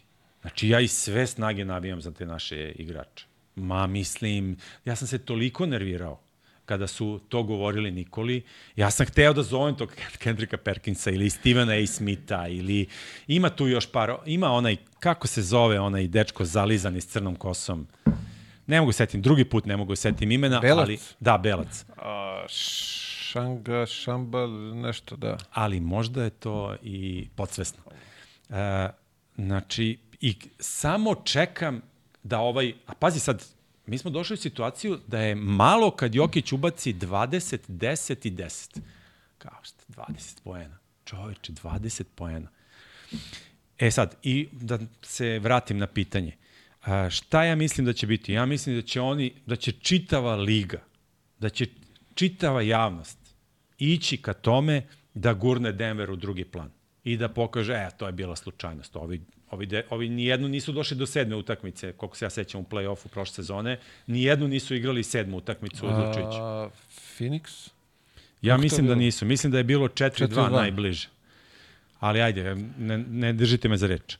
Mislim da će se svi truditi da te marketinške neke ekipe budu, ne znam šta će biti s Embiidom, vidim da on nešto razmišlja kao da ode, da menja klub, ali ja opet navijam i sve snage za Denver i nadam se, žao mi je što možda nisu, vidim da su doveli nekog rukija koji izgleda talentovan, ne znam mnogo o njemu, ali mi je žao što još nisu napravili korak ispred da su doveli još nekog Pazi, to sad ja gledam sa strane, ono što čitam u novinama. Ovi prešli ovamo, ovaj prešao ovamo, ovi se pojačali, ne znam. Svi negde imaju po tri zvezde. I žao mi je što Denver u tom smislu nije napravio, ali pazi, ne mogu ja sad Denveru da prigovaram, ljudi osvojili NBA titulu. Da ću ja sad njima da, da, da sufliram. U svakom slučaju, vidim da su se mnoge ekipe pojačale. Ako sam dobro ispratio, mislim da je teže na zapadu, da će biti teže. A Zapad je uvek bio, po meni je Zapad je uvek bio teži i uvek su meni sa Zapada onako bili favoriti, posle Jordana naravno. Da. Jer nekako ovaj istok i dok sam ja bio tamo, kad god odemo, metlaju nas gde stignu. Da. Tako da, eto, to je neko moje viđenje u ovom trenutku. Mislim da im je potreban opet, mi, mislim da je njima potreba neki rivalitet, mislim da, da će tražiti od Lebrona. Ja ti sad pričam kako ja gledam to fenomenološki sa, sa strane. Ja ne mogu ti govorim potpuno o kvalitetu. U ostalom, svako će mi reći kad bih ja nešto pričao, dečko, tebe ne, Trajković 12 godina izbaci iz Partizana sa treninga, šta ćeš ti sad meni pričati o košarci. Ja to više gledam tako, znaš, ta, gle, ja se, kako ja mnoge stvari gledam, ja mnoge stvari gledam kroz medije, ali tako što uporedim neke stvari gledam trendove, na primjer, neke, više su to stvari osjećaja nego što ja sad gledam istraživanja. I vidim da opet svi pominju Lebron, ja ne mogu da shvatim da niko ne pominje kao Denver, kao, mislim ne pominje, kao, oni su kao neki treći, četvrti, peti. Ali e, to se lepo rekao malo pre, marketinški, oni nisu zanimljivi. Lebron je Lebron, mm. Lebron je sad što je bio Kobe pre, Jordan pre Kobija, znači Lebron je tata i prema njemu se sve to marketiški radi. Lakersi su u pitanju, što je normalno. S ove druge strane je Boston uvek bio. Tako da, vidi, to je sve, pogotovo što se ti informišeš u medijima, jel? Da. Ovaj, oni pumpaju to zato što se ta priča prodaje. Karte su tamo najskuplje, sve je kod njih, wow. I Ja sam to ovaj- shvatio, sad ću ti reći kad sam shvatio to. Izvini ako sam te prekinuo. Ne, ne, ne, ajde slobodno. Uh, shvatio sam to 2003. kad sam bio na All-Star Weekendu u Atlanti. To je za mene bio jedan od najvećih šokova u mom životu. A šokova sam imao, kao što si čuo. Na kraju krajeva, kogod je proživeo u, u, Srbiji od taj period prethodnih 30-40 godina, šokova je imao IHH. E, to kad sam video, All Star Weekend, to pozorište, taj teatar, ti si opčinjen time. Znači, ja dolazim tamo, hala, gledam ono rasveta, ulaziš tamo, ti ulaziš kao novinar, oni te pozdravljaju, tu su okupili te ljude, volontere, oni mašu, kogod prođe tim hodnikom, oni mašu. Stojim, ti kao novinar dolaziš tamo, prolaziš pored igrača, bukvalno sam se, znači ja se nisam očešao Michaela Jordana samo zato što sam bio toliko impresioniran njima i mislio sam da ima 4 metra i ovako sam išao oko njega i gledao ga. To je, ispred mene, Mile, sedeo sam na utakmici, ispred mene sedi Denzel Washington. Ja gledam, šta je ovo, gde sam ja? U toj Americi je sve veliko nekako. Sve je ogromno, i putevi, i zgrade, i ne znam, hale, i odnos prema idolima je nekako prenaglašen, po mom mišljenju, za neki moj ukus. To kad sam video, pa koncert, jao, ja, ja si dan dan sećam, znam da zvuči neverovatno, zvuči kao, kao da je za scenariju za film. Ja sam tad bio jako blizak sa Markom Jarićem. On je tad igrao ruki, e, meč Rukija. Dolazimo u Atlantu i tad ljudi, ja se ne sjećam da li sam imao mobilni telefon. Moguće da, da jesam, ali ne mogu da, ne mogu da tvrdim. 2000? To je 2003. Jesam, ali nije bilo... Nije bilo WhatsApp. kamera, sigurno. Nije bilo kamere. Aha, izvini. Aha, dobro. Ovaj, dakle, tad nije bilo Whatsappa i Vibera. Mis, imao se, bio je mobilni telefon, ja ne sjećam se da li sam ga ja imao, ali znam da je bio, ali nije bilo Whatsappa i Vibera. Kako i ti sad ćeš da dođeš? Šta ću ja sad da uzmem od nekog, eh, kao, znaš, ono, zamisli tad roaming u, u tim godinama. Uglavnom, mi smo se našli nekako i sad je on meni rekao, ti tad i tad dolaziš tu i tu, idemo ovamo onamo i ima žurka za igrače. Ja rekao, ajde sad žurka. Ulazim, hala neka, a, prizemna hala, onako, znači ne, ne sportska hala, nego kao neka dvorana, veća. Ja gledam tu poznati košarkaši, ovo, ono, kao sad će koncert. Pa rekao, ajde, okej. Okay. Počinje koncert, na binu izlazi LL Cool J. Ja gledam, gde sam ja ovo, šta ja radim, da li se ovo meni dešava?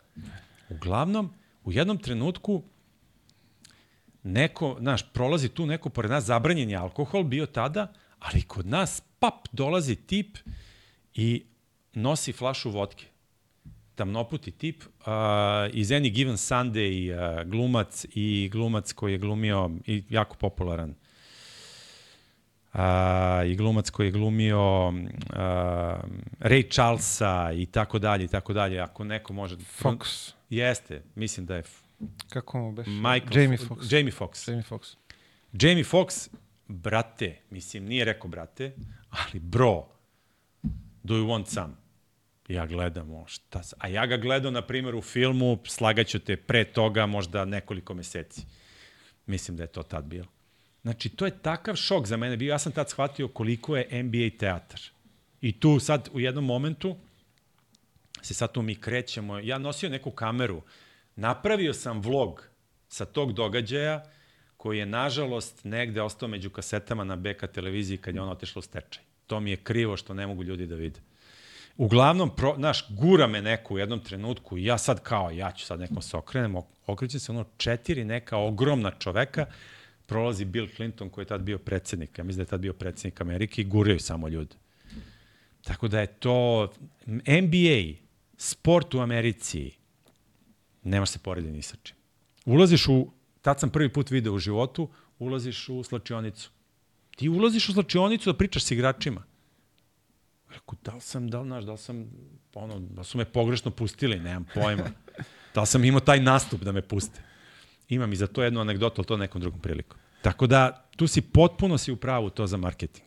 Ne, ne, ali vidi, da, da, da, da oni nemaju taj kvalitetan marketing, liga ne bi bila tu da jeste. Da li, Saglasan sam. Znači, uh, evo sad, šta se sad dešava. Uh, NBA daje prava, mislim, ne prava, daje ti mogućnost da ti njihov materijal skineš i možda postaviš na svoje stranice ove društvene mreže bez ikakvih problema. Dok Liga šampiona, znaš i sam, Euroliga, evo i oni su sad krenuli ove godine, ako koristiš njihov sadržaj, pap, blokiraju ti stranicu. Ili ti već sad suspenduje kako to ide. Ali ne, viš, oni malo šire razmišljaju nego ovde ovi. Sve ti je džabe. Samo pričaj o tome, sve ti je džabe. Uzmi sve što hoćeš, samo da se priča o tome. I zato jeste NBA to što jeste. I zato je njihova organizacija takva kakva jeste. To je problem evropljana ili evropskih sportskih udruženja koje ne vide tako daleko. Oni ne gledaju tako marketinški daleko. Ja sam tu potpuno saglasan s tobom. I, nažalost, neće dugo proći vremena, osnovaće se evropska divizija NBA-a, osnovaće se azijska divizija NBA ili neki klub će biti Misliš? tamo. On, uh, kapital ne zna za granicu. Novac ne zna za prepreku. On će naći put. Ti, gledaj, ti sada da osnuješ klub Ja, na primer, iskreno ti kažem, ja da sam NBA, ja bi osnovao klub u Beogradu. Ja bi osnovao klub u Beogradu. Oni, njima Beograd nije marketinški zanimljiv, ali zamisli, zamisli arenu u kojoj igra, se igra NBA utakmica takmičarska. I zamisli 20.000 golih koji skaču i zamisli, i dođu ovi crnci i gledaju, brate, mili, gde su nas doveli, šta je ovo? Oni će osnovati, najverovatnije će osnovati klub u Londonu. Po mom mišljenju, to je neka prva destinacija. Mislim, London i Pariz da su prve, ne, prve neke dve destinacije za neki NBA budući klub. To meni sad deluje ovako. Ja mislim da je od toga daleko, da pokušavali su oni to, ali da to nije zaživelo i pitanje kad će, kad će zaživeti uopšte. Da li Mil, će zaživeti? Mile, gledaj, uh, njih će okolnosti prinuditi na to. Zato što je novac u velikoj meri otišao na istok. Pričam ti za Saudijsku Arabiju, pričam ti za Ujedinjene Arabske Emirate, pogotovo za Saudijsku Arabiju, koja ima dugoročan plan. Tebi će, ti ćeš dolaziti u situaciju da ti e, se osnuje klub ili liga koja će biti u Saudijskoj Arabiji na nekom velikom nivou. Ja ti sad pričam, to sve u ovom trenutku deluje malo verovatno, ali a, e, kako će NBA da se odbrani od toga? Samo tako što će širiti populaciju. Čitao sam neko istraživanje, izvini, ali mislim da može napraviti paralela. Između, e, čitao sam neko dan neko istraživanje o NFL-u. NFL će uskoro organizovati Super Bowl u Evropi. To će se desiti. I to izgleda London prva, prva opcija. Druga stvar, šta je NFL gleda? NFL gleda kako da dođe, inače kad smo se čuli neko veče, ti si gledao NFL, nisi gledao košarku. Tako je kako doći do gledalaca koji ih nikad nije gledao.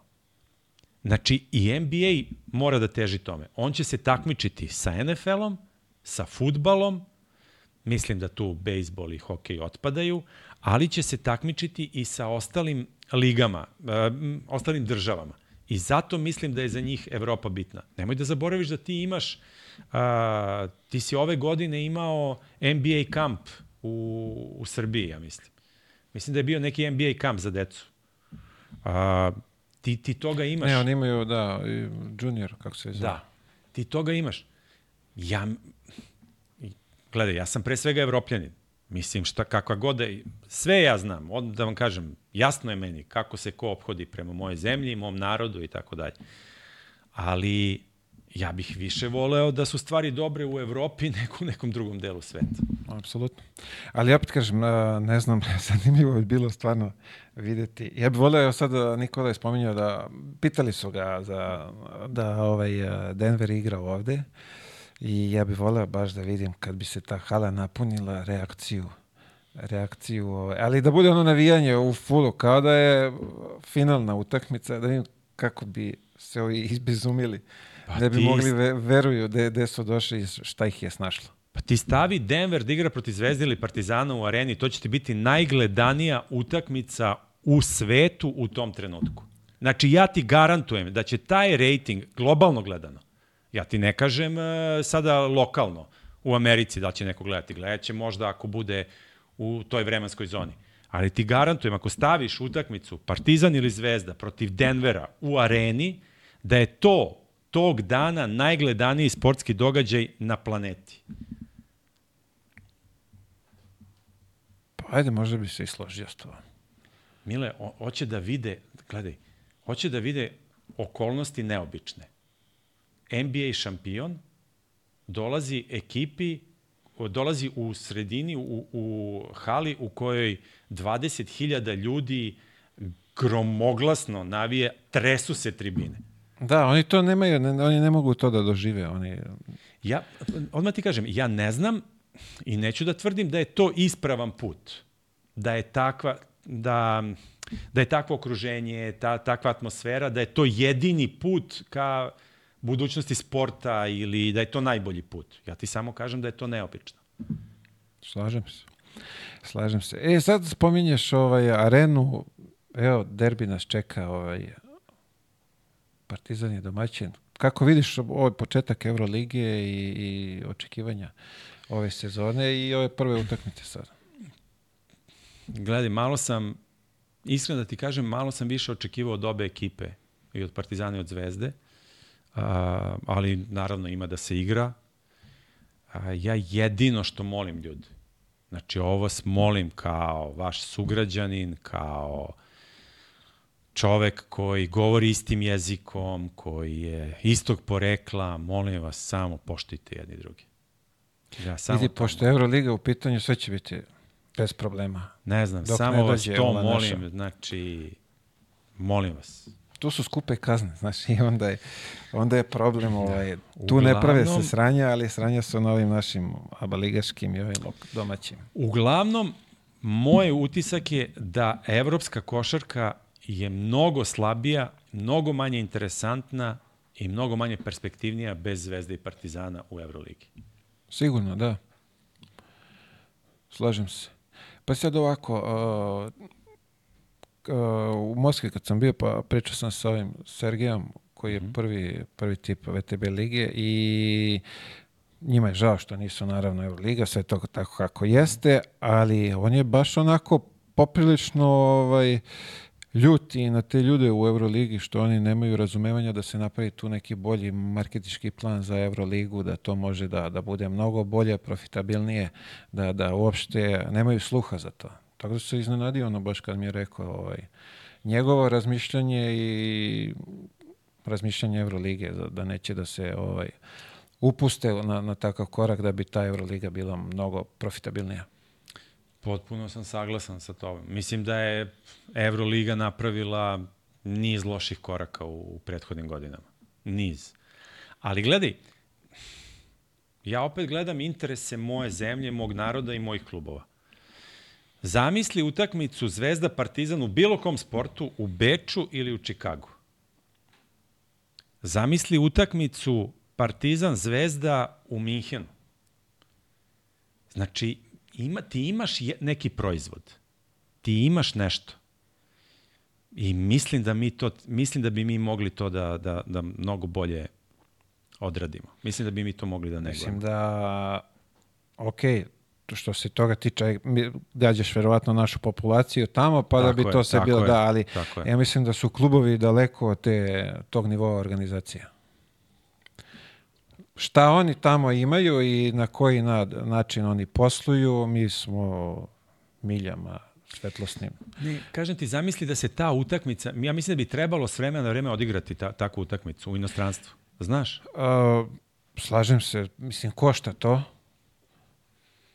Uh, neće NBA ekipe džabe da ti dođu i to košta isto. Svaki dolazak NBA ekipe se plaća, tako da nisu oni još spremni da plate tako nešto sve razumem, ali što ne bi ti organizovao finale kupa u, ne znam, u Beču?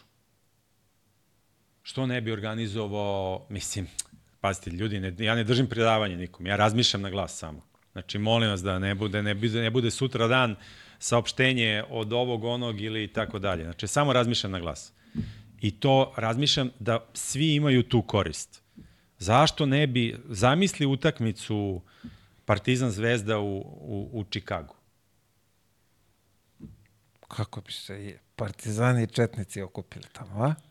Samo nek su zagrljeni, pa mogu se okupljaju koliko god hoće. Kako bi to dobro bilo, je. Zanimljiva ideja, da, ali je malo ovaj skup trošak. Ka, dobro, da, sad. Da. Ka, kako Ne znam koliko je realna, ali ti da bi napravio nešto, po mom mišljenju, gledaj, evo, evo da, daću ti primer ovako. Tebi da je neko rekao pre pet godina, mi je deset, Mile, ti kad završiš karijeru, ti ćeš da radiš podcast neki, zvaćeš, evo, evo ovog Acu Stojanovića ćeš zvati da dođe tu kod tebe pričati. Ti rekao, e, prvo, nije mi interesantan momak uopšte. Da, iritantan je onako Da. s onim najavama kad Da, krene. da. Počne. to je jedna stvar, a druga stvar, ne pada mi na pamet da ja sad radim tu nekog da pitam, baš mi briga. Na, ali si otišao u nešto, razmišljao si sad van tih svojih, šta su tebi nudili sve da radiš po okončanju karijere? I tebi sigurno svakodnevno dolazi neko s nekim poslovnim predlogom. Mile, da uložiš u ovo, da uložiš u ono. Ti si krenuo ovim putem, ja ne kažem da ćeš ti, da ti zarađuješ ne znam kakve pare i to, ali je opet to nešto drugačije od onog što si zamišljao. A napravio si iskorak. I da se ne lažemo, neko, nešto si napravio u, u ovom segmentu koji radiš. Što bi ovi moderni rekli, izašli smo iz komfort zone. E, vidiš, to je ono što ja nisam teo da kažem. Ali zato si ti tu. Ali sad ti kažem, ti, ja, ti to lepo upakuješ, ja to kažem ljudima ovaj, da razumeju. Da, Znaš, saglasno. ti kad im to sve lepo ispričaš, oni bre posle moraju malo da razmisle o tome šta si ti rekao. A ovako ja im ovo kažem, ovo je narodski, što bi se reklo. On odmah razume šta s poentu moje priče. Realno, postoje razlike između tebe i mene, to priznajem. Bitno je da je nama lepo Da. ovdje kroz razgovor, to je, to je poenta i ovdje smo došli danas da ovaj, vidimo tu tvoju košarkašku priču stranu. Kako je to izgledalo. Znaš šta me zanima, ko je ostavio najveće impresije na tebe ovaj, od svih košarkaša? Ajde, evo sad si ispričao, sreo si tu velike i NBA Da. zvezde i glumce ovaj, i ove naše legende s ovih ovde prostora. Ko je ono bio wow? Znaš šta, um, intervjuisao sam kratko Shaquilla O'Neala, to je bila jako interesantna anegdota. To je isto na tom All-Staru. E, ne, to je na povlačenju dresa Vlada Divca u Sakramentu. Mislim da je to 2013. I on je tad bio u Feniksu. I Feniks je igrao sa Sakramentom, da li tu utakmicu ili, dan, ili dva dana ranije. U svakom slučaju, Igor Kokoškov je tad bio u Feniksu i ja Igora zamolim, Igore, da li postoji mogućnost? I Igor kaže, jeste, pred utakmicu dođeš, možeš slačionicu, on ne daje u principu, ali ću ga ja pitati. Ja kažem, ok, odem ja u Košarkaški savez Srbije i uzmem dres Srbije na kojem je pozadi mi odštampaju Onilović.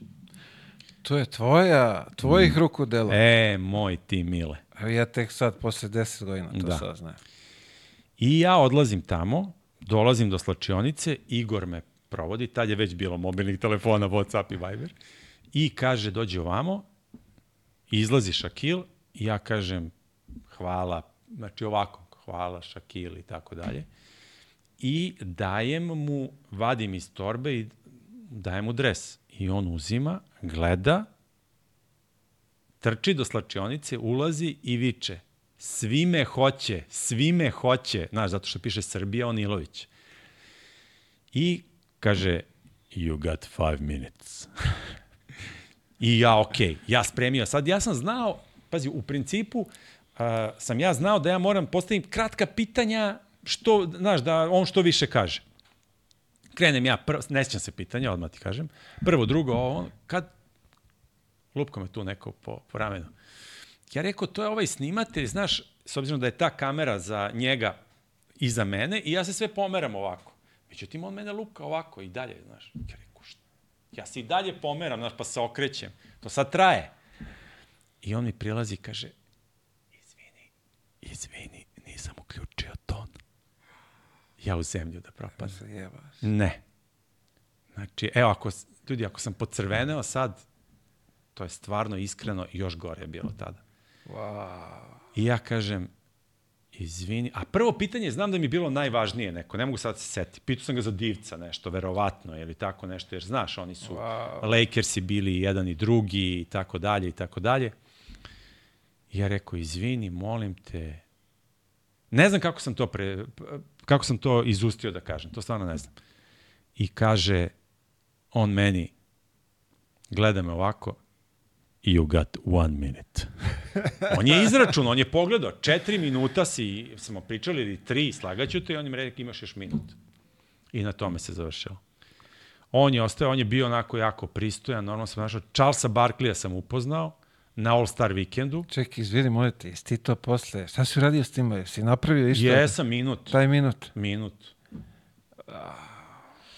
Pa da zadaviš kamermana. Pa šta ćeš, deša, mislim, to mi Ja se... sam imao znači, ovde da, situaciju. To je Ja jako, ga nisam davio. to je jako teška situacija. Tu je bolje da imaš ton nego da imaš sliku.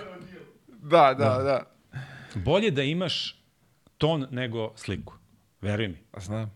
Jer šta ćeš sa slikom? Da sliku možda Doživim. staviš da pokriješ. Doživeo sam to. Da, eto. Onda me, onda me razumeš. E sad zamisli ti to, obja, ti to kažeš vidi, ti si imao pet minuta. Da. Ja sam tri sata. Imam ja još jednu anegdotu za tebe. Komentarišem utakmicu koja treba da ide u reprizu i čovek ne snimi. Ja sam dva puta komentarisao istu utakmicu. I izlazi i kaže, izvini, ja nisam snimio, a repriza ide, na primjer, za 4-5 sati. Ja šta ću? Ja sam istu utakmicu komentarisao dva puta i tačno sam znao šta ću da kažem. E, pošto nisam objavio, nisam, ovaj, nisam se hvalio, je li tako, Vlada? Nismo se hvalili ovaj, našim umećem. Sad ispričam ovde ljudima, prošlo je dva meseca, sad mogu. Snimili smo sa Šarencem tri sata razgovora. Mhm. Sve super, top. Brdo nekih anegdota, smeha, sve super. Odem ja kući, znaš, onako sve, ok, počinje svetsko prvenstvo, znaš, ono sve lepo. Da bi me zove gospodin sutri dan. Čak nije ni on zvao, nije smeo. Ovaj, zove drugi gospodin sutri dan, kaže, imamo problem. Koji problem? A, ne čuješ se uopšte. Tri sata. Užas. I rekao, i? Pa, kaže, moramo ponovo da snimim. Užas. I ja dolazim sedam ovde za ovu istu stolicu, ovako glumim da, da je šareni tu i peglaj, peglaj, peglaj, peglaj. I na kraju od tri sata napravili smo dva sata, jel tako, i 10-15 minuta katastrofalne razgovore. I ljudi kao, šta je ovo, na što ovo liči, kako ste ovo montirali? Evo sad, ljudi, zajebali smo. Pokušali Da, smo da je ispravimo, da. tako da, živa stvar. Ali Jeste. da, ovo je tu pet minuta, znaš, to je, Da. ukaže se prilika s takvim čovekom, takvim imenom i kiks. Da. A žao mi na primjer, što nisam nikad intervjuisao Dragana Kićanovića. On je nekako van medija, ja mislim da je taj čovek ima, iako mlađi gledalci ne znaju, ali taj čovek je legenda, taj čovek je spektakl, taj čovek je umetnost napravio od košarke. Me to mi je žao. Naravno, volio bih Jokića da intervjuišem. A, koga sam još upoznao? To ćeš Ko- uspeti ako odeš za Ameriku. Onda ću... Ovde ćeš teško, Da, ali tamo ako odeš, može. Da, probat ću to da uradim. Hteo bih JJ Redika da, da, da, da uhvatim u Americi, ako je to moguće, da vidim preko tih kontakata. Tu bi mogo da pomogneš nešto, Mile. Pa vidi, pričat ćemo. Sve može da se završi danas. Žao mi što nisam bio uh, u Herceg Novom kad je bio Magic Johnson ove godine.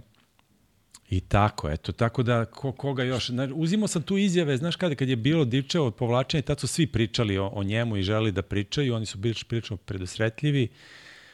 Goran Dragić, koji me se ne seća, sreo sam ga prošle godine, znači ne ove 23. 22. sam ga sreo u Ljubljani je rekao, e, znaš, on nema, čovjek se ne sjeća uopšte, iako smo bili tad u, u Sakramentu, smo bili na kafi, u, bili smo u, u pravoslavnoj crkvi, uh, Igor Kokoškov, on i ja, onda on je bio isto jako ljubazan, Dan Majerle, uh, slagaću te, Divčevi saigrači su bili zanimljivi isto, ali to, to sam već negde pominjao. Znaš šta, ti ljudi do kojih ti dođeš, ti dođeš kroz njih i prođeš kroz njihov život, oni te i zaborave. Ali ti kad napraviš razgovor sa čovekom koji je iz tvoje zemlje, koji priča na tvom jeziku, to je drugačije. No, mislim, mnogo je dobra stvar kad ti pričaš sa Novakom Đokovićem. Mnogo je dobra stvar kad pričaš sa Vlade Divcom, kad pričaš sa Nemanjom Vidićem. To su mnogo dobre stvari, znaš. On te, on te sluša, on te gleda, on te zna, zna ko si. Sa Željkom Obradovićem i tako dalje. Mislim, sada ne, Ivana Španović, znaš, da ne, ne želim da nikog zaborim. Tu, ljudi, ja sam radio 80 intervjua za svoj, samo za podcast. Pa to je, to je bre sreća. To je zadovoljstvo. Ne, mi sedimo, pričamo. Sjajno, to neko hoće da sluša. Mi moramo da imamo poštovanje i prema tim ljudima, znaš. Absolutno. Ovo neko sluša. Absolutno. Jedan, jedan. Da, da. Ali to je mnogo dobra stvar. Dajmo, uh, pazi ovako, kako ja to gledam. Prvo sam srećan što ja imam priliku da s tobom razgovaram i sa svim ostalim gostima koje sam ove, razgovarao, a drugo, daj mi priliku da pitam nešto što mene zanima. Znaš, što ja hoću da čujem. E sad, da li se njima to sviđa, što pošto mnogi ovde kao, znaš, pa što nisi pitao, što nisi ono, ali ljudi, ja pravim da ja čujem ne, ne, o, neke odgovore, tako da, ali je to stvarno što ti kažeš blago, da, da, da sediš i razgovaraš. Evo ja sam blizu 80, pa ja i tu smo negde da, tu. tu smo negde, da, da. da. U nedelju dana smo ovaj, mm -hmm. krenuli. Tako da, koliko imaš pratilaca? A, pratilaca imam, a, sad ću ti reći, a, 30, š, mislim 36.000 i, i nešto. Mislim da toliko imam pratilaca. Imaš više. Ne, neću reći ali, koliko znam. ali da ti kažem... Uh, pratim svaki dan, bre, ažuriram da. koliko, koliko novih si dobio, sve pratim. Mile, znaš šta je tu stvar? Uh, veruj, veruj mi, meni je, s, mislim, to zvuči bez veze, ali svaki je važan. Znači, da i onaj 3, I onaj što 30, nas vređa. 30, 30, 39 i onaj 35.400. Isti su, isto su važni. A to vređanje, to više govori o njima, znaš. Ti si pričao kod mene o tome u podcastu i drago mi je što si to pomenuo, ali to Mile govori više o njima. I taj, taj tvoj komentar je bio viralan. Vidi, ja ne mogu njima zabranim, znaš, to je, ali ja gledam iz svog ugla. Ja nikad ne bi ostavio komentar negde da nekog vređam.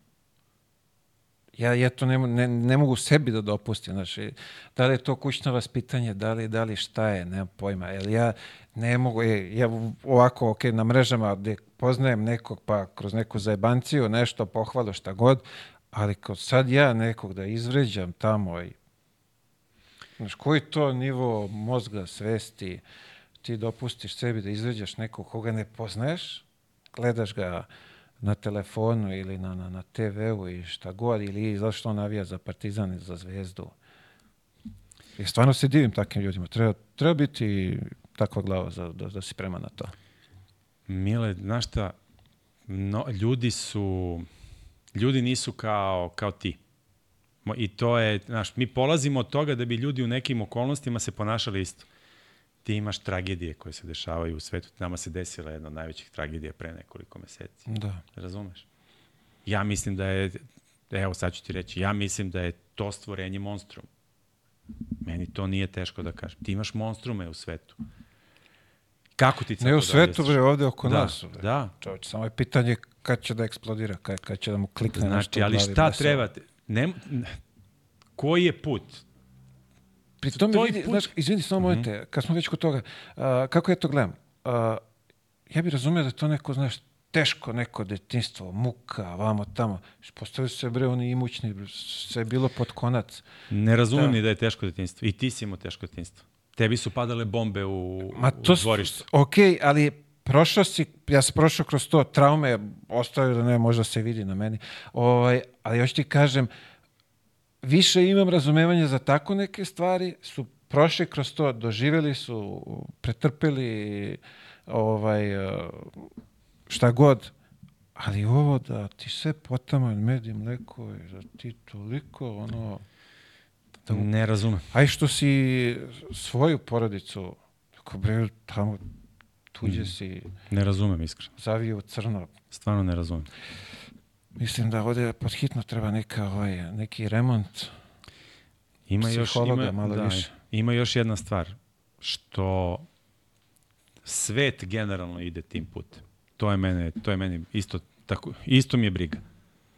Ja ne vidim da, da, ali dobro, ajde, nije bitno, nema veze. Da, pričamo o otišlo drugoj malo stvari, ovaj. Da. Ah, vidio, jesi ti radio nekad uh, prenos košarkaške utakmice?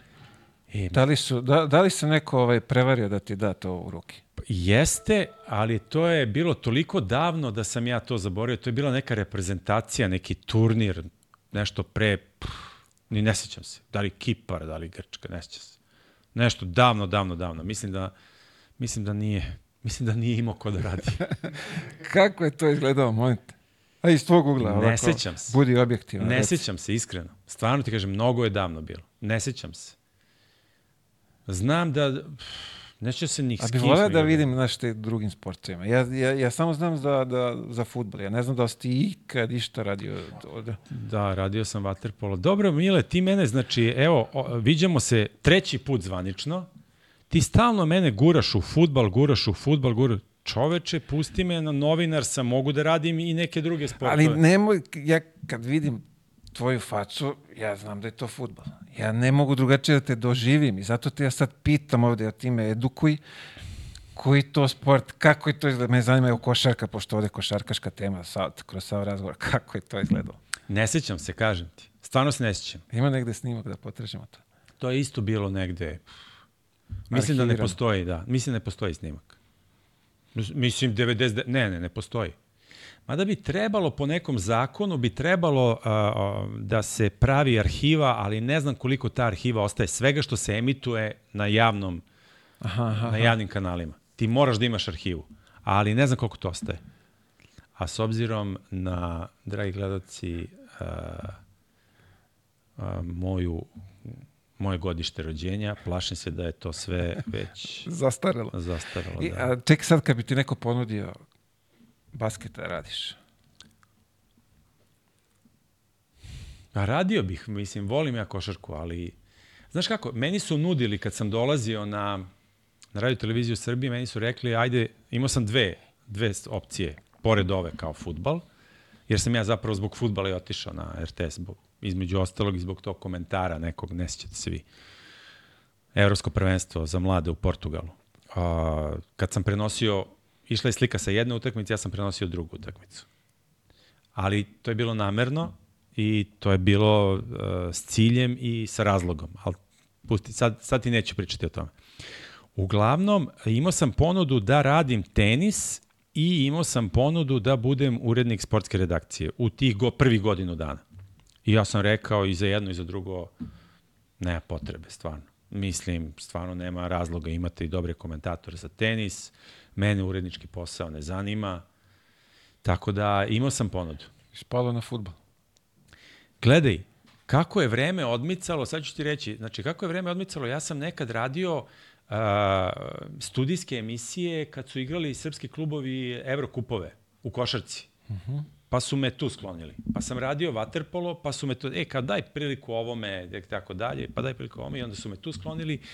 I ima tako još nekoliko tih To je ona sličnih priča s stvari. početka, daj pružimo tatinom sinu priliku. Nije, nije tatin sin, nemoj, nemoj tako.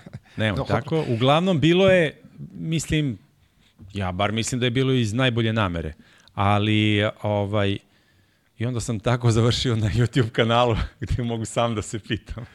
A zar nije, a ček, evo sad iskreno reći, zar nije najlepše kad si sam svoj gast? Jeste. Ima li šta lepše? Nema. Gledaj, uh, ipak ti i dalje imaš odgovornost prema nekome. Imaš odgovornost prema tim ljudima koji, Apsolutno s kojima radiš slažem, i da. tako dalje, prema sponzorima, prema publici, ali pre svega imaš odgovornost prema sebi. I na kraju krajeva, mnogo je dobra stvar kad sam nešto napraviš. Mnogo, mnogo, mnogo dobra Ovo je stvar. jako stvar. Ono ko vučete kao, ajmo da. Da, jest. Može bolje. Mnogo i mnogo. Ovde sam mnogo kiksno, Da. Ovde će se popravim, ispravim. Ali gledaj, i, ima još jedna stvar. Ti kada, na primjer, ja kad radim na TV-u, ne, oni znaju ko radi. Znaju ko je pogrešio. I ja sam spreman da, ako sam pogrešio, da, da prihvatim tu svoju grešku. A nemojte me, molim vas, samo me nemojte stavljati, svrstavati negde. Neka sam i najgori, samo daj da sam tamo ja sam. Nemoj da sam ja deo nečega, nekoga, neke ideje, projekta, ja sam protiv ovog, protiv onog. Pustite ljudi, znači čitav život se trudim da budem fin i pristojan i na kraju mi i presalo da budem takav. Čuli smo tužnu priču. Ali... Da, da, e, na kraju smo, na kraju ipak došlo do toga. A, jel vidiš, ne možeš da pobegneš bre od toga.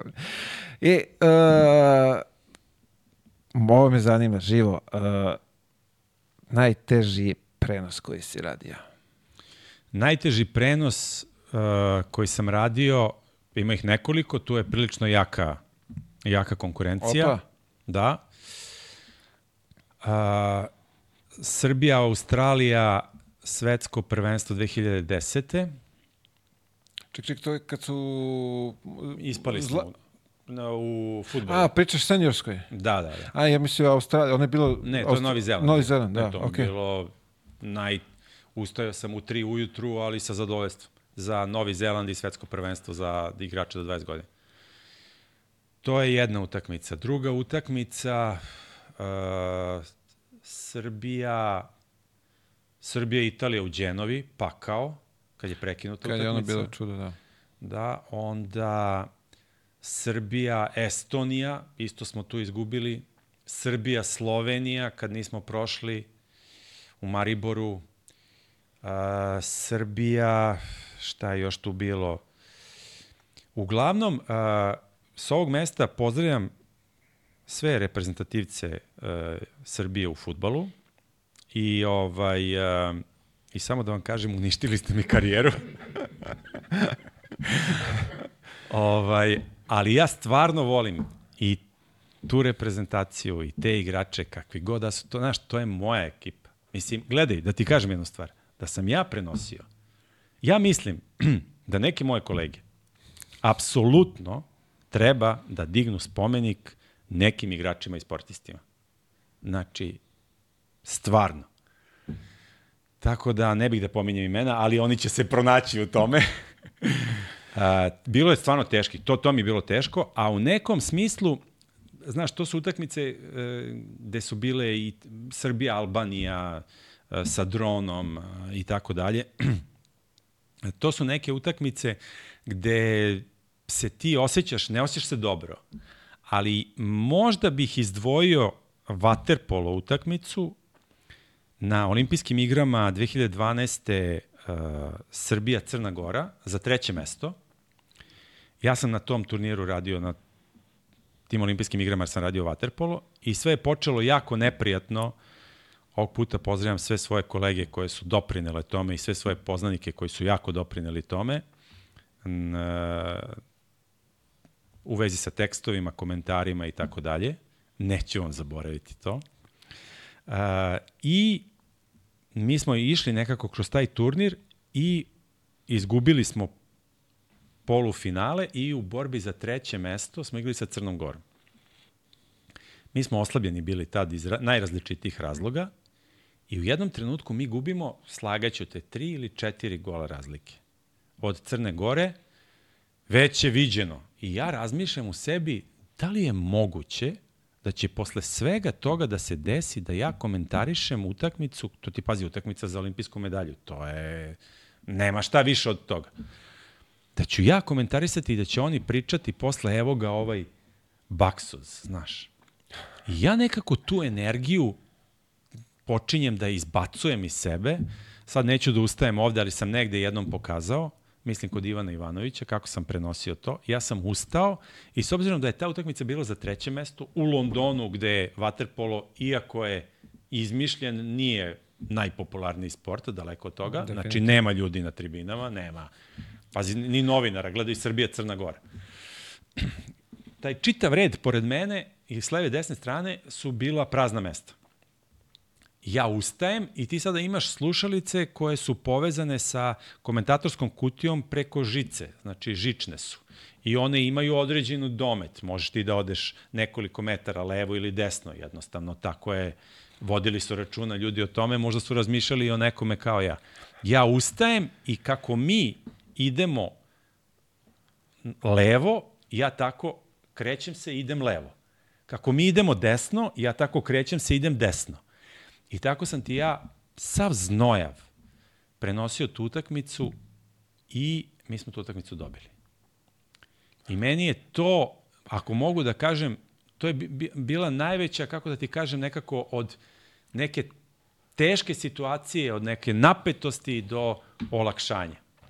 Posle toga mi je bilo, mi je bilo baš briga šta će ko da priča, šta će ko da kaže. Kapiram I... da su u nekom momentu igrači te snimili gore, kako ti cupkaš levo, desno, neko daj, brate, više da zagrebemo malo jače i da je to prelomeno. A, ne verujem da su oni, ali znam da su me gledale volonterke, bile su u šoku. To, to znam, pogledao sam u jednom trenutku kad se ne, nešto se, da se završilo, ali pogledao sam, one su me gledale, bože, šta je s ovim? Šta ti je, dečko? Kao sedi dole. Pazi, evo sad, uh, imali smo tvoj kolegu sa, sa sport kluba koji je radio prenos basketa sa svetskog prvenstva, on kaže da je toliko emotivno bilo da je čak i zaplakao. Jesi imao ti te ovaj, situacije da pustiš suzu u nekim teškim momentima? Iskreno da ti kažem i da jesam ne bih priznao, a bilo mi je baš teško u nekim situacijama. Ma, znaš šta, to su ljudi koje znaš. To je ekipa koja, koju, koju znaš, to je ekipa koja predstavlja tvoju zemlju. Ti sad prenosiš nekome nešto u, u svojoj zemlji i u svetu ko gleda, ko je vezan za to. Ti si ta spona između njih. Da, ti, da. Si, ti si najbliži put i zapravo jedini put između navijača nekog koji bi želeo sve da ta ekipa i ta grupa ljudi dole pobedi i njih koji predstavljaju i tebe i njih. Aj budi pametan sad, ajde reci nešto smisleno, ajde reci mudro, ajde budi podrška, ajde budi inteligentan, ajde budi duhovit. Sve se meri, ali ljudi da vam kažem, od, to jeste zahtevno izazovno, ali to nije najteža stvar. Najteža stvar na svetu je moj prijatelj, doktor Svetozar Putnik, kad presađuje srce ili spašava nekog. To je pritisak. Da, I da. pritisak je onaj nastavnik koji je bio u ribnikaru. To je pritisak. I pritisak je kad ti detetu treba da obezbediš nešto. I pritisak je kad je neko bolestan. Ovo, šta vam kažem, ovo je posao manji ili više zahtevan od drugih, podlo, podložniji kritici zato što je javan, ali je posao, nemoj da dramatizujemo sad, Tako. da ja sad pričam, jeste, ima teških stvari, javno je, svi mogu da te uhvate za neku reč, nekima smeta što kažeš, nekima ne smeta, u tom smislu.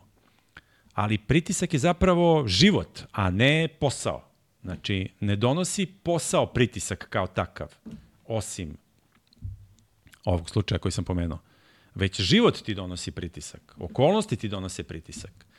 I takođe jedna jako dobra stvar koju sam pročitao, nažalost nisam je ja smislio, a to je mali ljudi prave problem drugim ljudima, a veliki ljudi prave problem samo sebi.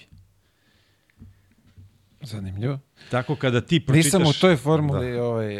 Da kad pročitaš neki, neki kad, kad ti neko nešto zameri ili kada vidiš da je zlonameran, kada vidiš da je mali čovek i kada vidiš da tebi pravi problem, onda, će shvat, onda ga svrsta i tu. Pa vidi, u suštini ne pravi meni problem. Ja, ovaj, glupo sad da ovaj, kažem kako ja to shvatim. Ali ovaj da kapiram da su najavio da će, si, shvatili da, imamo sliku. Da. Razumeće, da. E, ovo me izuzetno zanima. Uf. Gde si ti pokupi ove najave za utakmice koje si nam s kojim si nas neki, neke verovatno i nervirao, a nekima i dobro dođe tako. Najave za utakmicu sam smislio i mislim da je prva najava bila finale Kupa Španije, Atletico Madrid Barcelona, kad je Atletico dobio, ali godine trenutno ne mogu da se setim. Znam godina. 96. Wow. Tad sam počeo sa najavama i shvatio sam, znaš kako sam došao na ideju da, za najave? Gledao sam reklame za filmove.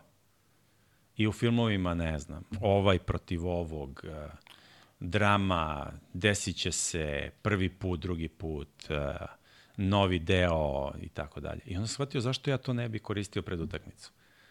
I tako sam krenuo s najavama. Si mora pitaš šefa da li Ne. smejem ili... Nisam. Nisam. Znam, gledaj, znam ja tačno kome smeta, kome se to sviđa, dođe to do mene. Ne, znaš kako je ovdje kod nas? Uvijek šta će ovi da kažu iznad, znaš. I to je večiti problem od nas, ovih Balkanaca. Šta će reći komšija i šta će reći pretpostavljeni. Za moju kreaciju. Mo, mogu da prepoznam kad je neko dobronameran, kad je zlonameran. I mogu da mu upamtim to. To sam, to sam ovaj, zaključio sam kroz razgovor da, da pamtiš im to lepo svima. Ja nisam, gledaj da ti kažem, ja nisam tako veliki čovek kao što je, na primjer, Novak. Ovaj, proziva ga Kirios godinama, godinama i on kao, sve je okej, nema ništa. I još ga pobedi i o- još ga okrene na svoju stranu. Ja nisam, ja kad mi se nekad se zamerim s nekim, ćao. Vidi, moja neka logika i uh, ok, oprostit ću ti, ali ti zaboraviti neće. Tako da, to mi je nekako sasvim ok. Da. Nije problem oprostiti, to je, što bi se reklo, naše hrišćanski, jel? Ali da zaboravim, ne mogu. Da. A nemoj se ponašamo kao da ništa nije bilo i kao da je sve super. Apsolutno. Apsolutno. Slažem se. A, daj mi savjet za ovu našu omladinu iz tvog ugla, tvog a, iskustva životnog, sve, pošto ovde ja volim da završim razgovor sa tim nekim savjetima za, za mlade, što igrače, što ajde ovako sad generalno za ovu našu omladinu. moraju da shvate i treba da shvate da naša budućnost zavisi od njih. Znači, budućnost ove zemlje, ovog naroda, ovog okruženja, ovog grada, zavisi od tih mladih ljudi. To je jedna stvar. I da shvate da njihova budućnost zavisi od samih njih. Da uzmu život u svoje ruke. Da ne dozvole da ih život vuče, nego koliko god mogu. Pazite, to je sizifovski posao. Mislim, sizifovski nije zato što ja mislim da ti negde možeš da utičeš u nekoj meri na svoj život. Možda nećeš biti košarkaš, ali možda možda budeš dobar u nekom drugom poslu. Mnogo je važno da se čuvaju i da se drže zajedno. Mislim da ako hoćeš, i opet sad citiram, ako hoćeš da ideš daleko, ideš u društvu. Znači, okruži se dobrim ljudima, dobrim prijateljima, ljudima koji su ti uzori. A ako hoćeš da ideš brzo, ideš sam. Ali to brzo možda bude i prebrzo. A, slagat ću te čija to poslovica. To je... Da li je japanska ili neka arapska? Nešto ja mislim da, da, ima. je tako, da. Da. Ali ono što mislim da je jako važno, mislim da je mnogo bitno sačuvati neke, neke vrednosti. Budite dobri ljudi. Budite uporni, budite istrajni i ja sam siguran da se upornost i istrajnost vraćaju. To je, ja, gledajte vam kažem, ja u mnogim stvarima u životu nisam uspeo u onoj meri u kojoj sam možda zamišljao ili sanjao. Ali samo dve stvari sam siguran. Jedna stvar je daj svoj maksimum uvek, u svakom trenutku i igra se do onog trenutka dok sudija ne svira kraj. Znači, nije kraj dok se ne završi. Borba svaki dan. Život je mnogo teška stvar, ali je i najlepša stvar koja postoji. Znači, fight, borba, tuča u pozitivnom smislu i stvari će biti dobre. Ja, ja sam siguran u to. Ako nisu dobri, onda nije kraj. Tako je. Ma čovječe, ako, gledaj, ako ti kad igraš, igraš iz dva razloga. Jedna je zato što ti je zabavno, a druga stvar je da pobediš. Po- Pomiri te dve stvari u životu. Idi na pobedu i trudi se da bude zabavno. A bit će mnogo više teško nego što će biti zabavno. Ali to zabavno, kada je zabavno, jao što je to dobar osjećaj, što je to dobra stvar. Tako da eto, ne znam da li sam, pre, da li sam dugačak ili da li sam predugo to pričao, ali verujte, stvari mogu da budu dobre. Stvarno mogu da budu dobre. Ne idu onim putem kojim sam se ja nadao, generalno u svetu, ali sam siguran da mogu da budu dobre. I od vas zavisi. Od tih ljudi zavisi. Od tog nekog, od te neke devojčice koja želi da bude kao Milica Mandić ili Ivana Španović ili Sonja Vasić ili a, moja prijateljica Ana Dabović ili svi, sve njih znam, sa svima sam dobar i, i to su divne osobe. Ta devojčica možda napravi nešto. Ona možda bude Tijana Bošković. Ona može da bude Mileva Einstein. Ona može da bude, i, i ono što je, na primer, Mourinho mi je rekao strašnu stvar. Suština života je u tome da onaj posao koji radiš, radiš najbolje. Bez obzira da li si čistač ulice ili futbolski trener. Slažem se. Svaka mu čast, pametan čovjek. Pametan čovjek. I uspešan. Jeste. E, zato je uspešan. Zato što je radio najbolje. Mada nekad me je nervirao. Ma nervira. Taktikom. On Nije. nervira, ja mislim i sam sebe da on nervira, ne samo protivnike. I... Mile, ti nerviraš nekog, ja nerviram nekog, svako nekog nervira, ali ako ti vidiš neku dobru nameru u čoveku, pa nema veze šta, obuko je crveno i, i, i, i ne znam, naranđasto, pa šta sad? Mislim, sad dajem primer. Takav je, šta? Neko ima frizuricu ovakvu, onakvu, i moje loknice, pa šta sad? Jel ti smeta šta? Sta, takav, Takav je, prihvati Takav ljudi. trend Ako je, bio. Da, nisi ti hteo, ali je bio takav trend, je li tako? Tako je. Znači, ljude treba malo, ako su ljudi, ako ljudi nisu zli, ako nisu prema vama loši, prihvatite ih takvi kakvi jesu. A ako su takvi prema vama, budite bolji od njih.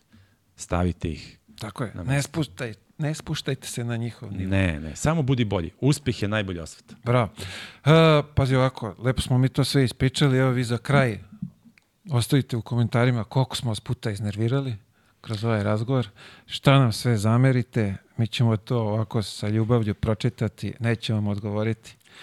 I Hoćeš ti da im odgovoriš? Ja im neću odgovoriti. Odgovorit ću vam ja. Evo, Ata će vam odgovoriti. Pišite vi na lestu. Pišite na lesto, zapratite, ajmo podrška sve jedna da. za, za, za Aco i njegov posao Hvala. koji radi izvanredno. Hvala On ti. radi sa svim sportistima, tako? Da, Ti da, si da. rekao da to Da. sport, ja se malo ovako, ja sam suzbio redove. Možda je tvoje mudrije, iskreno da ti kažem. Možda je mudrije zato što si našao, što kažu sad, ja opet pokušavam pobegnem od tih izraza nišu, znaš. I ljudi kad dođu kod tebe znaju da se priča 90% vremena o košarci. A kod mene on, znaš, možda ga ne interesuje, možda ga interesuje košarka, ne interesuje ga nešto drugo, ali ja jednostavno nisam mogao da pobegnem od sebe u tom smislu. Apsolutno, podrška za tebe i tvoj Hvala ti rad. mnogo. Uh, Takođe. Uh, ček, nešto sam imao, da. Treba mi ovde autograf, ja na ovu loptu. O, čoveče. Izvoli, pronađi mesto za Nađi, sebe. nađi sebi mesto. Tako je, da. Evo ga ovde. AS. Ovde ću da stavim A, pa će da bude kao inicijali. Vidiš, ima S od Spalding. A, da isko, pa, bro. E, to je, to je opet, viš, stvar kreacije, koliko si kreativan. Da, pazi, jao, sad. Neko se ne bi toga setio. Evo ti imaš AS. I pazio, za Da. kraj. Opa, A, nisi ovo očekivao. nisam, moram ti Pošto priznati. vidim da kroz ceo razgovor ih tu nešto tetoše, što bi se Jeste. reklo, ovaj, od našeg sponzora, Našeg sponzora. naša struja, Jeste. što bi rekao, od našeg sponzora poklon za tebe. Hvala ti mnogo. Hybrid Flex 5. Hvala ti. si ti. ovako uredan dečko, briješ se, ja nisam, tako da, ovaj, Nisam danas idealno, ali evo sad ću. Sad ću kad dođem je. kući. Hvala naravno svim sponzorima, ne zamerite, oni su nama bitni i zbog toga mi i pravimo ovaj sadržaj i hvala svim sponzorima koji prate Mileta, koji prate ostale podcaste, koji prate moj podcast i naravno hvala Biku koji je zajednički sponzor. Tako je, zajednički sponsor. Uh, zamolimo, može još neko se prepoznao da može da iskoristi ovaj naš prostor za reklamiranje, tako da, što Uvek. rekao, svi su dobro možda, došli da, možda možete da dobijete popust na, na dva podcasta. na količinu. Da. Pa mislim, Platite jedan, dobijete dva. pa vidjet ćemo sad kakva je ne? ponuda. Samo nemojte da nas ubeđujete da je nešto dobro za nas. Dajte ponudu, pa ćemo mi da Tako je, kažemo a mi da ili ćemo ne. kažemo da li je dobro ili ne. Novi Big Hybrid Flex savršeno brije. I da, oštrice mogu da mu se zamene. U svakom slučaju, hvala ti mnogo na izdvojenom vremenu. tebi. Bilo mi je zadovoljstvo. Uh, nadam se da si ti uživao više Yes. nego onaj prošli put što je bilo sa Savanom. Duško je to zajebo stvar. Ovaj, tako, Gledaj, Nije- dobio sam, nije u svakom ovde. slučaju sam dobio više prostora. Nije ovdje, daj da ga sad okrivimo, kako se zove, ako je išta bilo, ovaj, po, koliko je bilo u komentarima, ovaj, ja se izvinjavam još jednom da smo te ovaj, nešto sputali, omalovažavali, šta god, izvini, nismo imali nameru. Hvala svima koji su mi držali stranu. Pozdrav ljudi, uh, vidimo se već sledeće, sledeće srede. Svako dobro.